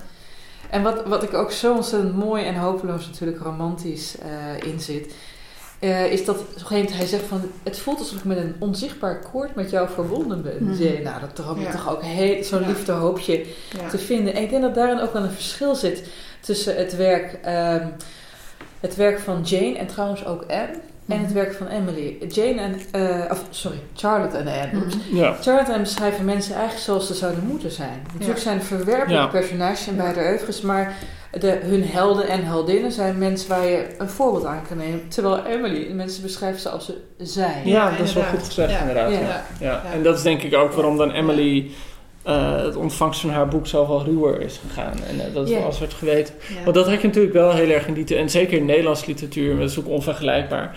Maar literatuur had toen op heel veel, voor heel veel... ja, hoe het ook heel veel uitzondering te bedenken. Maar heel vaak had het een beetje iets stichtelijks. En Ja. je moest wel laten zien Ja. dat je je gewoon hield aan de mores van de tijd. En anders was het een schandaal. Ja. Eh, toen had je nog heel makkelijk schandalen met literatuur. Maar misschien moeten we toch nog even iets zeggen over die Mad Woman in the Attic. Ja, dat is echt zo'n zo thema symbolisch. is dat. Ja. Ja. Ja, dus begin jaren 80 had je een heel groot eh, overzichtswerk van twee literatuurwetenschappers. Eh, Sandra Gilbert en Susan Cookbart. En dat was echt zo'n standaardwerk, waarin, dat heette ook The Mad Woman in the Attic. Waarin ze eigenlijk zeiden van de, ja, dat eh, vrouwen op een bepaalde manier zichzelf censureerden en dan een soort symbool ergens creëerden, wat dan stond voor de agressieve kant van Ja. een karakter. Ja, en de Of vrije de verdrongen seksualiteit. seksualiteit, zoiets. Dus zoals Virginia Woolf het had over eh The Angel in the House. Weet je, als je als vrouw gaat schrijven, moet je eigenlijk die Angel in the House, dus het, het pleasing schepsel, moet je zien. eh. De gastvrouw. ja. Ja. de gastvrouw, die moet je eruit zien te werken in je hoofd. Eh, was dit ook het idee van eh de Mad Woman in the Attic? Dat het een soort, Mm. ja, een beetje een symbool was. Dat elke vrouw heeft er één of Ja. zo. En die moet je Ja. durven loslaten Ja. om goed te schrijven. Ja, Nou ja, ook juist vastklampen om goed te schrijven, zoals Emily zou hebben gedaan. Sommige mensen hebben inderdaad Bertha Mason, de Mad Woman, ook als een donkere kant van Mhm. Jane eh, Ja. beschouwd. ja, Want Jane wil ook dat Thornfield Hall afvikt. Ja. Ze wil los van die Nee, zo kan je het ook zien, Ja. inderdaad. Gewoon, het is de, de donkere zijde van hetzelfde karakter. Ja. Ja. Jane Wat dat betreft is het natuurlijk ook wel leuk, kunnen we nog even hebben over Jean Rees. Dat zij Ja. in feite nog een roman heeft gewijd aan dat figuur, Ja. aan Ja, Wild. Sargasso Wat vertel eens even, welk jaar hebben we dan over? kinderen? 1966. 1966. Ja. Waarom schreef zij die roman? Zij was er eigenlijk gewoon meteen door getroffen toen ze het las. Zij was zelf Toen als ze Jane 16 Eyre jaar, ja, Ja. ze was zelf als 16-jarige kwam ze van de? Dominicaanse Republiek. Domin- ja, ja, ja. Toen werd ze naar Engel, Engeland getransporteerd en ze had het idee van ik kom. Ze was dan wel niet zwart, maar ze voelde zich zwart. Ik kom nu in een hele bleke, regenachtige wereld. ja. En zij kon zich gewoon helemaal voorstellen toen ze Jane Eyre las. Dacht ze van die vrouw die is daar weggestopt. En die is Ja, want die Mad Woman in. Attic kwam ook van de eilanden. Ja, Ja. en zij voelde zich, zij identificeerde zich totaal met de figuur Bertha Mason zoals ze wordt weggestopt. Nou, en eh, in feite, eh Jean Rees, ik weet niet of jullie haar werk kennen. Ik Ja, ik heb het gelezen. Dus, gelezen, ja. ja. Ja. Ja, dat zijn allemaal eigenlijk een beetje zoekende, gedoemde vrouwen die zich op geen enkele manier staande kunnen houden, tenzij ze heel veel drinken. En ook voortdurend vallen op de verkeerde man. En, eh, dus zij is eigenlijk al heel snel begonnen, nog voor de oorlog, om al te schrijven vanuit die persoon. Maar ze wist nooit zo goed hoe ze het moest doen. Nou ja, echt een absurd verhaal. Want toen had ze het geschreven en toen eh, is het manuscript eh, verbrand. Ook bij een brand. Dus ik was het kwijt. En toen is het weer opnieuw gaan schrijven. En toen is het kwijtgeraakt in een taxi of zo. Er zijn nog twee hoofdstukken. Had. Ja, het, het klinkt bijna Ja. te, te leuk om waar De te cloud, zijn. de cloud was Ja. er nog niet. Ja. Nee. Eh, Maar ze ze schreef White Sargasso Sea. Ja, Ja. uiteindelijk dus pas in 1966. Maar ik denk dat ze er echt 25 jaar over heeft gedaan om dit boek te schrijven. Maar dat is dus de prequel van, Ja, van ja, Jane dus de voorgeschiedenis ja, Ja. van Bertha Mason. En ze beschrijft het vanuit twee perspectieven. Volgens mij vanuit Bertha zelf en vanuit Mr. Ja. Rochester. Ja, die dan haar... Ja, eh, en ze beschrijft haar gewoon veel meer als, een- ja, als een soort exotische vrucht die wordt geplukt door een man die totaal eh, betoverd is door haar en die eh, gedreven wordt door eh, Seks en hebzucht. ja, lust. Ja. Ja. Ja, een heel bijzonder boek. Ja. Of nou ja, ik, ik, het was niet per se mijn lievelingsboek, maar ik vond het wel heel bijzonder. Wat er gewoon zo mooi in zit, is dat eh, eh, de slavernij is net afgeschaft, speelt zich Mhm. af. En zij zijn slaveneigenaar en dat hele eiland haat, heeft, mag, Ja. heeft nu de vrijheid om hen te haten. Ja. Dus ze worden ook verdreven uit hun huis, daar begint het mee. En je voelt echt, weet je wel, de geschiedenis heeft een, een, eh, een draai genomen en zij staan aan de verkeerde kant. En, en dus je voelt helemaal dat paniek van, dat, van die familie, van hoe kunnen we nog een soort van sociale status hebben. En dat, daar komt die eh, Mr. Rochester dan natuurlijk perfect eh, uit. En daar zie je ook al inderdaad dat, dat mensen, want dat, dat is natuurlijk hier, eh, dat daar mentaal van alles eh, een kaartenhuis is dat in elkaar stort. Ja. En dat er gewoon mensen zijn eh, die, die steeds moeilijker vinden om de werkelijkheid van hun fantasie te schrijven. ja, ja. ja. Oké jongens, we hebben het zo veel te lang al volgens mij over het boek gehad. Laten we het jaar afsluiten. Laten we in Ho, godesnaam dit jaar Ho. afsluiten. ho, jij Oh, stoute mag, ik het, Joost mag ik het woord nog niet, mag ik het echt niet afsluiten, Ellen? Nee, Joost, want je probeert daar altijd aan te ontkomen, maar ik vind dat wij echt het moeten becijferen. ja, Joost? Wat is dat voor gekke gewoonte? Ah, ja, ik weet niet. Dat is, eh, Gewoon omdat het kan. Oh, ja. Wat geven wij voor Wuthering Heights? Marja, Een acht. Een 8, Joost. ja, eh, een, eh, ja, ik twijfel tussen een 8,3 en een 8,4. maar, maar ergens in die categorie. Oké, een 8,35 voor Joost de Vries. En voor Ellen een 7. Oh, een dus magere dan eh, zeven. komen we uit op een cijfer. ja. Ja, interesting, right? Een cijfergemiddelde van een 7,7 voor Wuthering Heights. Maar nu spannender. Maar, maar ja, Ja, ik ben, dus, ik Eyre. ben dus zo'n juf die gewoon en hele hoge cijfers geeft en daar ook nog een poëzieplaatje bij plakt. Dus Oh, ik geef Jane Eyre gewoon een 10. Wow, dit is de eerste gaat die- een leven mee. Of, of verpest ik nu jullie gemiddelde Nee. score? Nee, nee, wij kunnen heel erg er- onder Er is nog nooit een 10 uitgedeeld bij Boeken FM. Ik denk dat ik maar middelmaat Ja, maar dit is Marja. Marja Oh, telt- oh, ja, oké, dat is gewoon een passant. ja, ik zit nu wel met een ik, ik, zit nu, ik zit nu gewoon met een probleem. Want, want eh, mensen die bij de Groene weten, werken weten allemaal dat Marja veruit de meest dominante persoon hier aanwezig is. Oh jee. Gewoon de enige persoon voor wie ik Sandra, Ik mijn hoofdredacteur, bang is, is Marja. Dat Marja dus dus, dus ik kan er niet heel erg onder die 10 gaan zitten. Niemand maar, weet wat ik op die ethic heb eh, zitten. eh, ja, Mar ja, Marja is de madwoman in onze attic. Ik Oh, we nee. zitten ook op zolder, maar niks voor Oh, niks zit Marja op zolder hè, in de groene. Die, zit gewoon, die komt gewoon af en toe als een soort, naar die halsband. een soort it, komt ze naar beneden en eh, maakt ons allemaal kapot. Eh, dus eh, nee, voor mij, ja, ik, ik ga niet een, ik, ik heb toch Wuthering Heights liever dan ehm, Jane Eyre. Oh, Dus ik geef een 7,5. Oh. Oh. Boom. Ja, ja, maar het is ook omdat ik me probeer te emanciperen van Marja. Dat Ja, probeer ja. ik al jaren. probeer ook een eigen Ja. Als ja, ik ik, kijk ik doe naar- gewoon alsof ik gewoon een jongen ben. Ja, ik, eh, ik, ik geef Jane Eyre een 9. Oh, Oké. Dus dan hebben we een 8,8 voor Jane Eyre. mooi. Heerlijk. En dan nu. Ja, zullen we Roffel. gewoon heel eventjes gewoon dit Roffel. jaar. Dit jaar was. Ik merkte wel met dit jaar, we hadden het er van tevoren even over dat. eh, we hadden toen allemaal het idee toen de eerste coronagolf uitkwam van oh, dan ga je nu thuis zitten lezen. Ik heb dat denk ik ja, heel slecht volgehouden. We hebben het er al eens eerder over gehad. Dat was zoveel ruis in de wereld dat je ook weer niet eh, echt zoveel hebt gelezen. Maar goed, het was wel gewoon een lekker, een gek, een gek jaar om op terug te kijken. Maar laten we dan daarom gewoon de drie mooiste dingen noemen. De drie beste dingen die we gezien hebben en de drie beste dingen die we gelezen hebben. Oké. Oké. Is dat toch goed? Bij wie wil beginnen? Mag ik eh, een voorzetje doen, jongens? Ja. Ja, qua boeken, een deel hebben we besproken bij uh, Boeken FM. Uh, Ischa Meijer, samengesteld door Ronit Palach. En daar heb ik echt veel van geleerd. Over jodendom, over leven, over geschiedenis, over intergenerationeel trauma. Het heette ook alweer Antisemitisme, ik leef ervan. Uh, ik heb niks tegen antisemieten. Ja, ik heb niks tegen antisemieten, ik leef ja, ervan. Privé-domein vond ik, dat, dat raakte mij, daar ben ik dus achteraf best wel veel aan terugdenken. Twee, poëziebundel Veldwerk van Benke Klein Zandvoort. Hele mooie opvolger van haar debuut. En het is gewoon af. Het is klaar. Heel mooi. En drie, heel voorspelbaar. Maar ik was toch heel erg gecharmeerd van Revolutie. Van David van Rijbroek. Oh Ook door mijn persoonlijke geschiedenis. Dus chapeau. Joost. Ehm, ja, ik, ik, uh, ik heb me gewoon dan niet helemaal gehouden aan boeken die... Ik, ik heb één boek dat niet dit jaar is verschenen, maar dat las ik dit jaar. En dat was echt een, een boek dat uh, iets met me deed wat ik niet verwacht had. Uh, van tevoren las waar het over ging. en dat is namelijk Andere Levens dan de mijne van Emmanuel Carrère. Emmanuel Carrère in Frankrijk is hij echt de shit. Of zo, zoals, ze in Frank, zoals ze in Frankrijk zeggen, le, shit. Le shit, ja, le mer. En uh, dat is een non-fictieschrijver die echt op een hele mooie literaire manier schreef. Dit boek is, wel, is een jaar of tien oud. En ja, het vertelt eigenlijk twee verhalen. Het eerste is dat hij op de, in Sri Lanka is als die, uh, die zeebeving is in 2004. En dan gaat hij met, een, met twee ouders, hij en zijn gezin overleeft het, nipt. Uh, maar hij gaat op zoek met een ander echtpaar naar uh, hun dochter, die is overleden. En daarnaast vertelt hij het verhaal van zijn schoonzus, die ziek is geworden aan kanker, is overleden.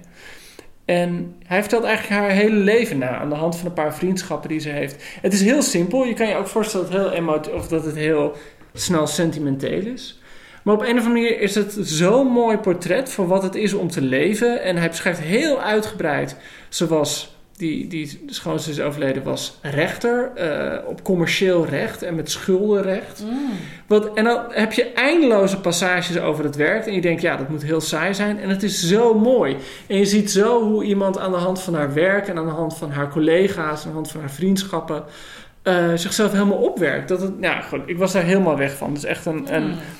Carrère in Frankrijk is echt een bestseller-auteur. In, Nederland is hij nog te onbekend. Uh, ik hoop dat er nog meer werk van hem vertaald wordt. Dat.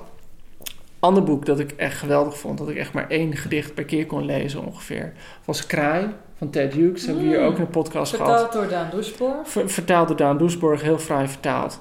Um, vond ik heel, heel indrukwekkend. Die beelden, uh, de, de toon, de kracht die erin zat. En een ander boek, ik zat, ik zat door mijn agenda te bladeren, daar hou ik altijd bij wat ik uh, gelezen heb gewoon zo'n gek boek, wat ik toen ik het las misschien niet zou hebben aangemerkt. Het is het beste boek van het jaar. Maar het is een boek, het Self Portrait van Celia Paul. Celia Paul is een uh, Britse schilderes. En zij had jarenlang een affaire met, uh, of een van, ze was een van de vele uh, vrouwen van Lucian Freud, de beroemde mm. schilder. Zij is zelf ook schilder. En ja, zij had een affaire met hem toen hij al heel oud en beroemd was. En zij heel jong en naïef. Ze heeft ook een kind met hem gekregen. Het is helemaal geen veroordelend boek, daar gaat het helemaal niet om. Maar het gaat eigenlijk over hoe de relaties in je leven uh, je kunst beïnvloeden en hoe je naar jezelf kijkt beïnvloeden. En uh, het mooie, ik weet niet, het gek is met het boek, ik ben er gewoon nog niet klaar mee. En het voelt alsof daar, alsof, ik weet niet, het voelt gewoon aan alsof daar heel veel verhalen in zaten waar ik hmm. nog veel meer over wil lezen en nog meer over ga lezen. En, en uh, ik weet niet, ik zou er nog meer over willen schrijven ook. Dus voor mij, dat, dat Carrère en Ted Hughes en Celia Paul, dat, dat was het voor mij. En Marja. Ik heb toch gewoon een heel gek leesjaar achter de rug. Ik heb een tijdje verlof gehad omdat ik zelf wilde schrijven. Wat altijd het lezen heel iets ingewikkelds maakt. Dus ik heb eigenlijk een beetje van die boeken, ik schaam me er verder niet voor, maar wel boeken gelezen die een hoog personal interest hebben. Zoals bijvoorbeeld uh, het boek van um, over Anthony Kamerling. Merlijn, van Merlijn Kamerling. Merlijn Kamerling. Toen, ik, toen ik je, nee, niet toen ik je zag, maar... Nu ik je zie. Nu ik je, zie. Ja. ja. En van die vond ik dat toch een heel mooi boek. Ik heb je er heel veel over gehoord. Ik heb ook een documentaire gezien en ik was wel een beetje in de band van, van die jongen. Van hoe, ja, ik vond hem heel lief. Weet je, en ik vond het ook wel echt. Het is altijd heel snel een beetje zo vettig Mhm. onderwerp, maar ik, ik geloofde het wel. Mm. En zo heb ik ook Splinter Chabot gelezen, Confetti Regen. Nou, daar heb ik echt bij gehuild. Mm. Of ik waarom? heel- Ja, toch hoe hij beschrijft hoe hij in, in, eigenlijk zou je denken, in een heel vrij gezin opgroeit en met een soort verstikkend geheim rondliep, heel Mm. lang. Mm. Ongelooflijk lieve moeder die allemaal heel eh, probeerde het hem makkelijker te maken om zijn verhaal te vertellen. En op een andere manier lukte hem dat niet.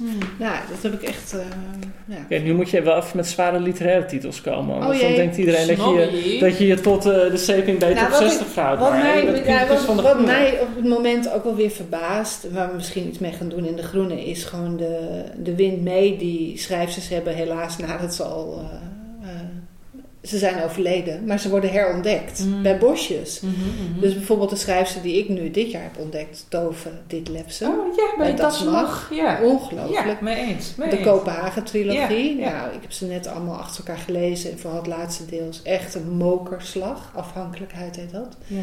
Heel boeiend, boeiende schrijfster. Echt, eh, ja, echt een ontdekking. Ik weet niet zo heel veel nog van haar leven, maar eh, het, is, eh, nou ja, het is een soort memoir eigenlijk. Mm. Het gaat ook over de, haar wording als schrijfster, haar, haar, struggle om eh, gepubliceerd te worden. Oké. Vond ik heel mooi. En ik heb, ik verder nog? Leslie Jameson heb ik heel veel van gelezen. Essays vond ik heel goed. Ook irritant, maar ook heel goed. Iemand Wat je haar- bundel ook weer? Oh, De bundel Oh, maar als we heet essays ook... Sister Outsider is vertaald. Hij is bij Pluim Oh, uitgekomen ja. van Audrey Lorde. Lorde. Ja, Ja. ook interessant. Ja. Ik weet niet hoe het boek heet van Leslie Jameson, sorry. Make it bleed, make it burn Make it, zo? make it scream. Make it scream, make, it, make it burn Ja, zo. Ja. En verder lees ik gewoon heel veel, dat ben ik nu ook weer aan het lezen, van Pen- Penelope Lively. Die is ook een beetje herontdekt. Die heeft ooit de boeker gewonnen in de jaren 90. Ja, Met 80. Moonti- 80? Ja, Oh, 87 heeft ze hem gewonnen. Moontiger. Maar ik lees nu de Photograph. Sorry, ik zit, er, ik zit er heel scherp op. Oh, ja. De Photograph lees ik nu van haar. Maar En dat is ook een echt, Ja, echt een tip. Ja, Dus, Moontiger. eh, Die De komt in- photograph. Ja. ja. Oké. Ja. En, dan dus, eh, en dan wat we gezien hebben, dus even een top drietje. Ja. En series en films, zullen we gewoon maar het, sa- het samenballen. ja, anders Ja? wordt het Ja. misschien wel weer te lang. Ja. In zeer willekeurige volgorde, aangezien Joost ook iets noemde dat niet dit jaar is uitgekomen. Ik heb in januari eindelijk Fleabag gezien. Oh ja. Oh ja. Ja, fantastisch. Ja. Fantastisch, fantastisch. Ik heb, het al, ik heb het nu drie keer gekeken in een jaar tijd. Het is grappig, het is hilarisch. Ik vind Ja. Olivia Colman als de afschuwelijke stiefmoeder. Ja, oh, bijzondere rol, ja. En ja. Claire en... Ja, Ja. ik vond het heel erg Ja. leuk. Ehm, ik, ik, ik heb genoten van de Poolse film Corpus Christi. Dat is een film die gaat over een jongen die eigenlijk in een soort van jeugddetentie zit en priester wil worden. En zichzelf later naar binnen pluft bij een parochie. En het is echt een blauwdruk. Ik heb familie in Polen, ik ben ook erg veel geweest. Een blauwdruk hoe Polen is omgegaan toen ze eenmaal los waren van de Sovjets. Hoe ze geworsteld hebben om hun identiteit, ook hun religie weer te vinden. Dat, ik vond het diep, diep, diep indrukwekkend. En laatste is omdat ik natuurlijk vieze oude vrouw ben. Ik heb heel erg genoten van de film Tenet. Niet alleen omdat ik het een heel mooie metafoor vind voor de opwarming van de aarde en hoe we niet Mhm. terug in de tijd kunnen om die problemen op te lossen. Maar vooral omdat de hoofdrol werd gespeeld door John David Washington. En nou, daar zou ik toch echt wel eens... Een beschuitje mee willen eten. Nou Joost, ja serieus. Die hele rol, die hele rol ja, Fantastisch, met water, met water, lieve luister. Oh, mag dit eruit? Het is echt heel warm. nee, Merel, dit houden we. Ah, vreselijk. Joost. Ehm, oh ja, ehm, ik. ehm, wat voor mij echt een, een film was. Ja, het klinkt misschien weer flauw, maar een film waar ik echt huppelend van de bioscoop. Het ging was David Copperfield. En eh, die is gefilmd door Mando Iannucci, dus een, een, Amerika of een Engelse regisseur die normaal echt van die super grof gebekte, harde politieke tv-series maakte. En opeens maakte hij gewoon een heel, ja, gewoon David Copperfield van Dickens, een heel zoet verhaal.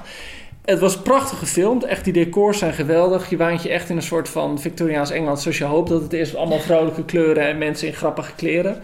Wat heel leuk is, dat de cast is multi... eh, ja, gewoon normaal zou je denken dat iedereen is wit. Maar dat is het nu dus niet. Het is allemaal door elkaar heen en het maakt geen reet uit. Weet je, soms voelt het aan zo van... Hmm, wat, wat je, je had ook met die, die ehm, verfilming van Wuthering Heights. Toen was het echt nog een statement dat Heathcliff zwart was. Mhm. En hier gaat het super, eh, doet het er niet toe. En dat maakt het alleen maar vrolijker en interessanter. Dat was echt een heerlijke, vrolijke film.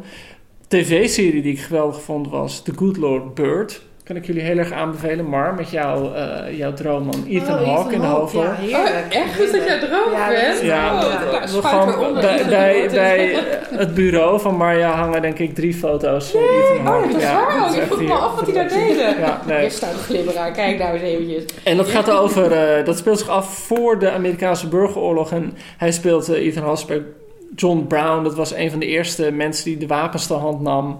Een soort van gekke, eh, gekke priester die de hele dag de Bijbel citeerde. En vond dat hij geroepen was om de slaven te bevrijden. En het, gaat dan, het wordt verteld vanuit een jongetje die hij uit slavernij bevrijdt. En hij denkt dat het jongetje een meisje is. Dus dat meisje Oh ja. moet de hele tijd met een jurk af. Het geeft echt, het is en een hele zielige serie, maar ook een hele vrolijke. Het geeft een heel mooi beeld van die tijd. Vond ik echt geweldig gefilmd, geweldig gemaakt. En tot slot eh, heb ik afscheid moeten nemen. Dat was het laatste seizoen van BoJack Horseman. Daar heb ik het wel vaker over gehad. Eh, ik ken eigenlijk geen serie die eh, ja, dieper ingaat op ja, depressie en zelfhaat en twijfel en allemaal hele nare dingen. Alleen het is, speelt zich af in eh, Hollywood, waar dieren praten. Het is een tekenfilmserie. En de hoofdpersoon is een soort van cocaïne snuivende, whisky drinkende paard. Die ooit in de jaren tachtig een tv-hit had. Charles Buhowski. Ja, soort ja, Buhorski. Buhorski. Ja, nee, allemaal van die vreselijke dingen. Bojack Horseman. En dat, dit is nu afgelopen. Echt ongelooflijk Ah. mooi einde ook. Heel volwassen, heel rijk en super grappig. En maar... nu films en series. Ik heb ze door elkaar heen. Ja, kan je dat aan? Kan je zoveel... Ja. Gewoon ja? Ehm, de mooiste film die ik dit jaar zag is ook meteen de laatste film die ik zag. Toen net daarna ging de bioscoop weer Ja. dicht. Dat is Hope. Ehm, van een Noorse regisseuse. En dat is helemaal het verhaal van... eh, het is een autobiografische film, heb ik gelezen. Ik heb een interview met de regisseuse gelezen. Jullie kennen die ene acteur die erin zit. Die zit altijd in Scandinavische films. Stellan Skarsgård. Oh. Ja, ja. Dat is de vader van Alexander Skarsgård. Ja, en, en, en Oh, Loki ja, uit eh. Ja. Vikings. Ja. Ja. En, en, en It. En, en ja, hij speelt ook... Ja, hij speelt Ja. in heel veel. Maar goed, heel Ja. kort over die film. Het is een, eh, een verhaal waarin een huwelijk eh, op scherp komt te staan. Vanaf het moment dat de vrouw hoort dat ze een, een misschien dodelijke ziekte heeft. Het is rond de kerstdagen. Het speelt zich af. Het speelt zich allemaal in een hele korte tijdspanne af. En dan eigenlijk krijgen ze met elkaar gesprekken over eh, hun, hu- hun huwelijk en wat het waard was en welk leven ze hebben geleid. Het is heel, heel mooi. Echt een Ah. prachtige film. Hmm. En de film die, ik- die is niet dit jaar gemaakt, maar die ik wel dit jaar heb gezien, is American Honey van Andrea Arnold. Over wie we het al hebben gehad, die Wuthering Heights maakt. En American Honey is een soort road movie van een groep jongeren die eh, in een busje door de States trekt. Een waanzinnig De States, je bedoelt de, United States. De. United States. ik dacht, ik pas even Ja, taal nee, nee, het, Ja, het ging moeiteloos. Ja, inderdaad. Oké. Nou, heerlijke film. Oké. Eh, En tv-series? Of was dit nog niet? Nou, heb je nog een... de, de eerste lockdown stond voor mij helemaal in het teken van kijken naar Ozark. Ik wilde daar nooit aan beginnen. Ja, ik heb het een paar keer ik- tegen je Ja, ik dacht van, kijken. oh, bah, dat gaat over geld wat wit gewassen moet worden. Weet je, wel, zoiets financieels waar ik helemaal niet in geïnteresseerd ben. En eigenlijk, die plot voor mij doet er ook niet zo heel veel toe. Maar het is uiteindelijk een gezin wat je volgt. Die Ja. in hele extreme omstandigheden ergens anders gaan wonen in Ozark. En eh, ja, ik hield, ik hield gewoon heel erg van die mensen. Van Laura Linney speelt erin. Oh, En, een leuke actrice. ja, en eh, wie ik daar heb ontdekt is Julia Garner. Die dus nu de hoofdrol speelt in The Assistant, die ik nog niet heb gezien. Maar zo'n klein meisje, kleine blonde Mm. krulletjes. Altijd boos. Heel pittig. Ja. eh, Dat ja. Maar goed, dat Ja. vond ik dus Ozark een hele mooie serie. En een serie Mrs. America. Vond ik fantastisch. Dat is eigenlijk een soort recente geschiedschrijving, de Tweede Feministische Golf. In de jaren 70. Jaren 70, de States. Oh, de States ook. De United States of Dat is America. een heerlijk, heerlijke, heerlijke Speelt zich soms af in Washington D.C. New York City. Ja. En I May Destroy You.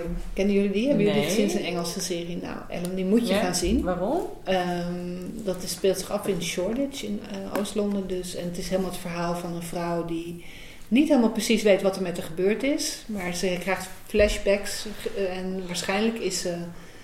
eh, hoe noem je dat als je met drugs op... Weet je iemand gooit drugs in je glas. Dat je, Zaterdagavond. Ja.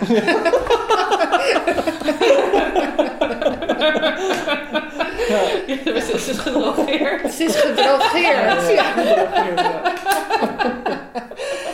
En miniserie. Het is zes afleveringen. Volgens mij gaat ze op zoek naar wat er is gebeurd. En is, Oh, uh, grappig. Net, heel- net als met Top of the Lake. Dat je echt helemaal moet gaan reconstrueren. Ja, Oh. het is heel ruig en die Ja. hoofdrolspeelster die is fantastisch.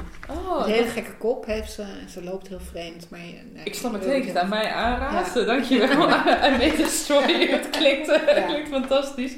Nou jongens, we, we- we- ja, laten, we, laten we een heel stom jaar met interessante boeken Ja, Ja, en eh, ja. ja, laten we hopen dat we volgend jaar allemaal eh, het spuitje van Bill Gates krijgen. En dat we gewoon weer bij elkaar kunnen komen. Allemaal een extra arm uit het Allemaal voorhoofd. extra. Dat was die bijwerking. Nou, als dat de bijwerking is, dan moet je het accepteren. Eh, dus nou, ehm Boeken FM luisteraars, eh, jullie zijn onze vrienden. En, eh, oh, ik, ik vond Dank jullie wel dat ik Ja. gast mocht zijn.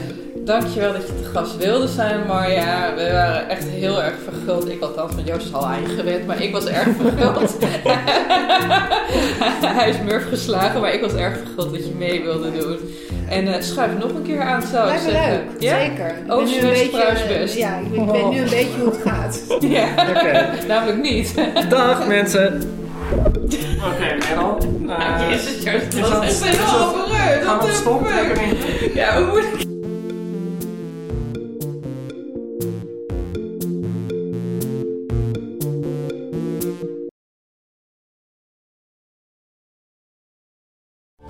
Over die grootse en epische muziektheatervoorstelling.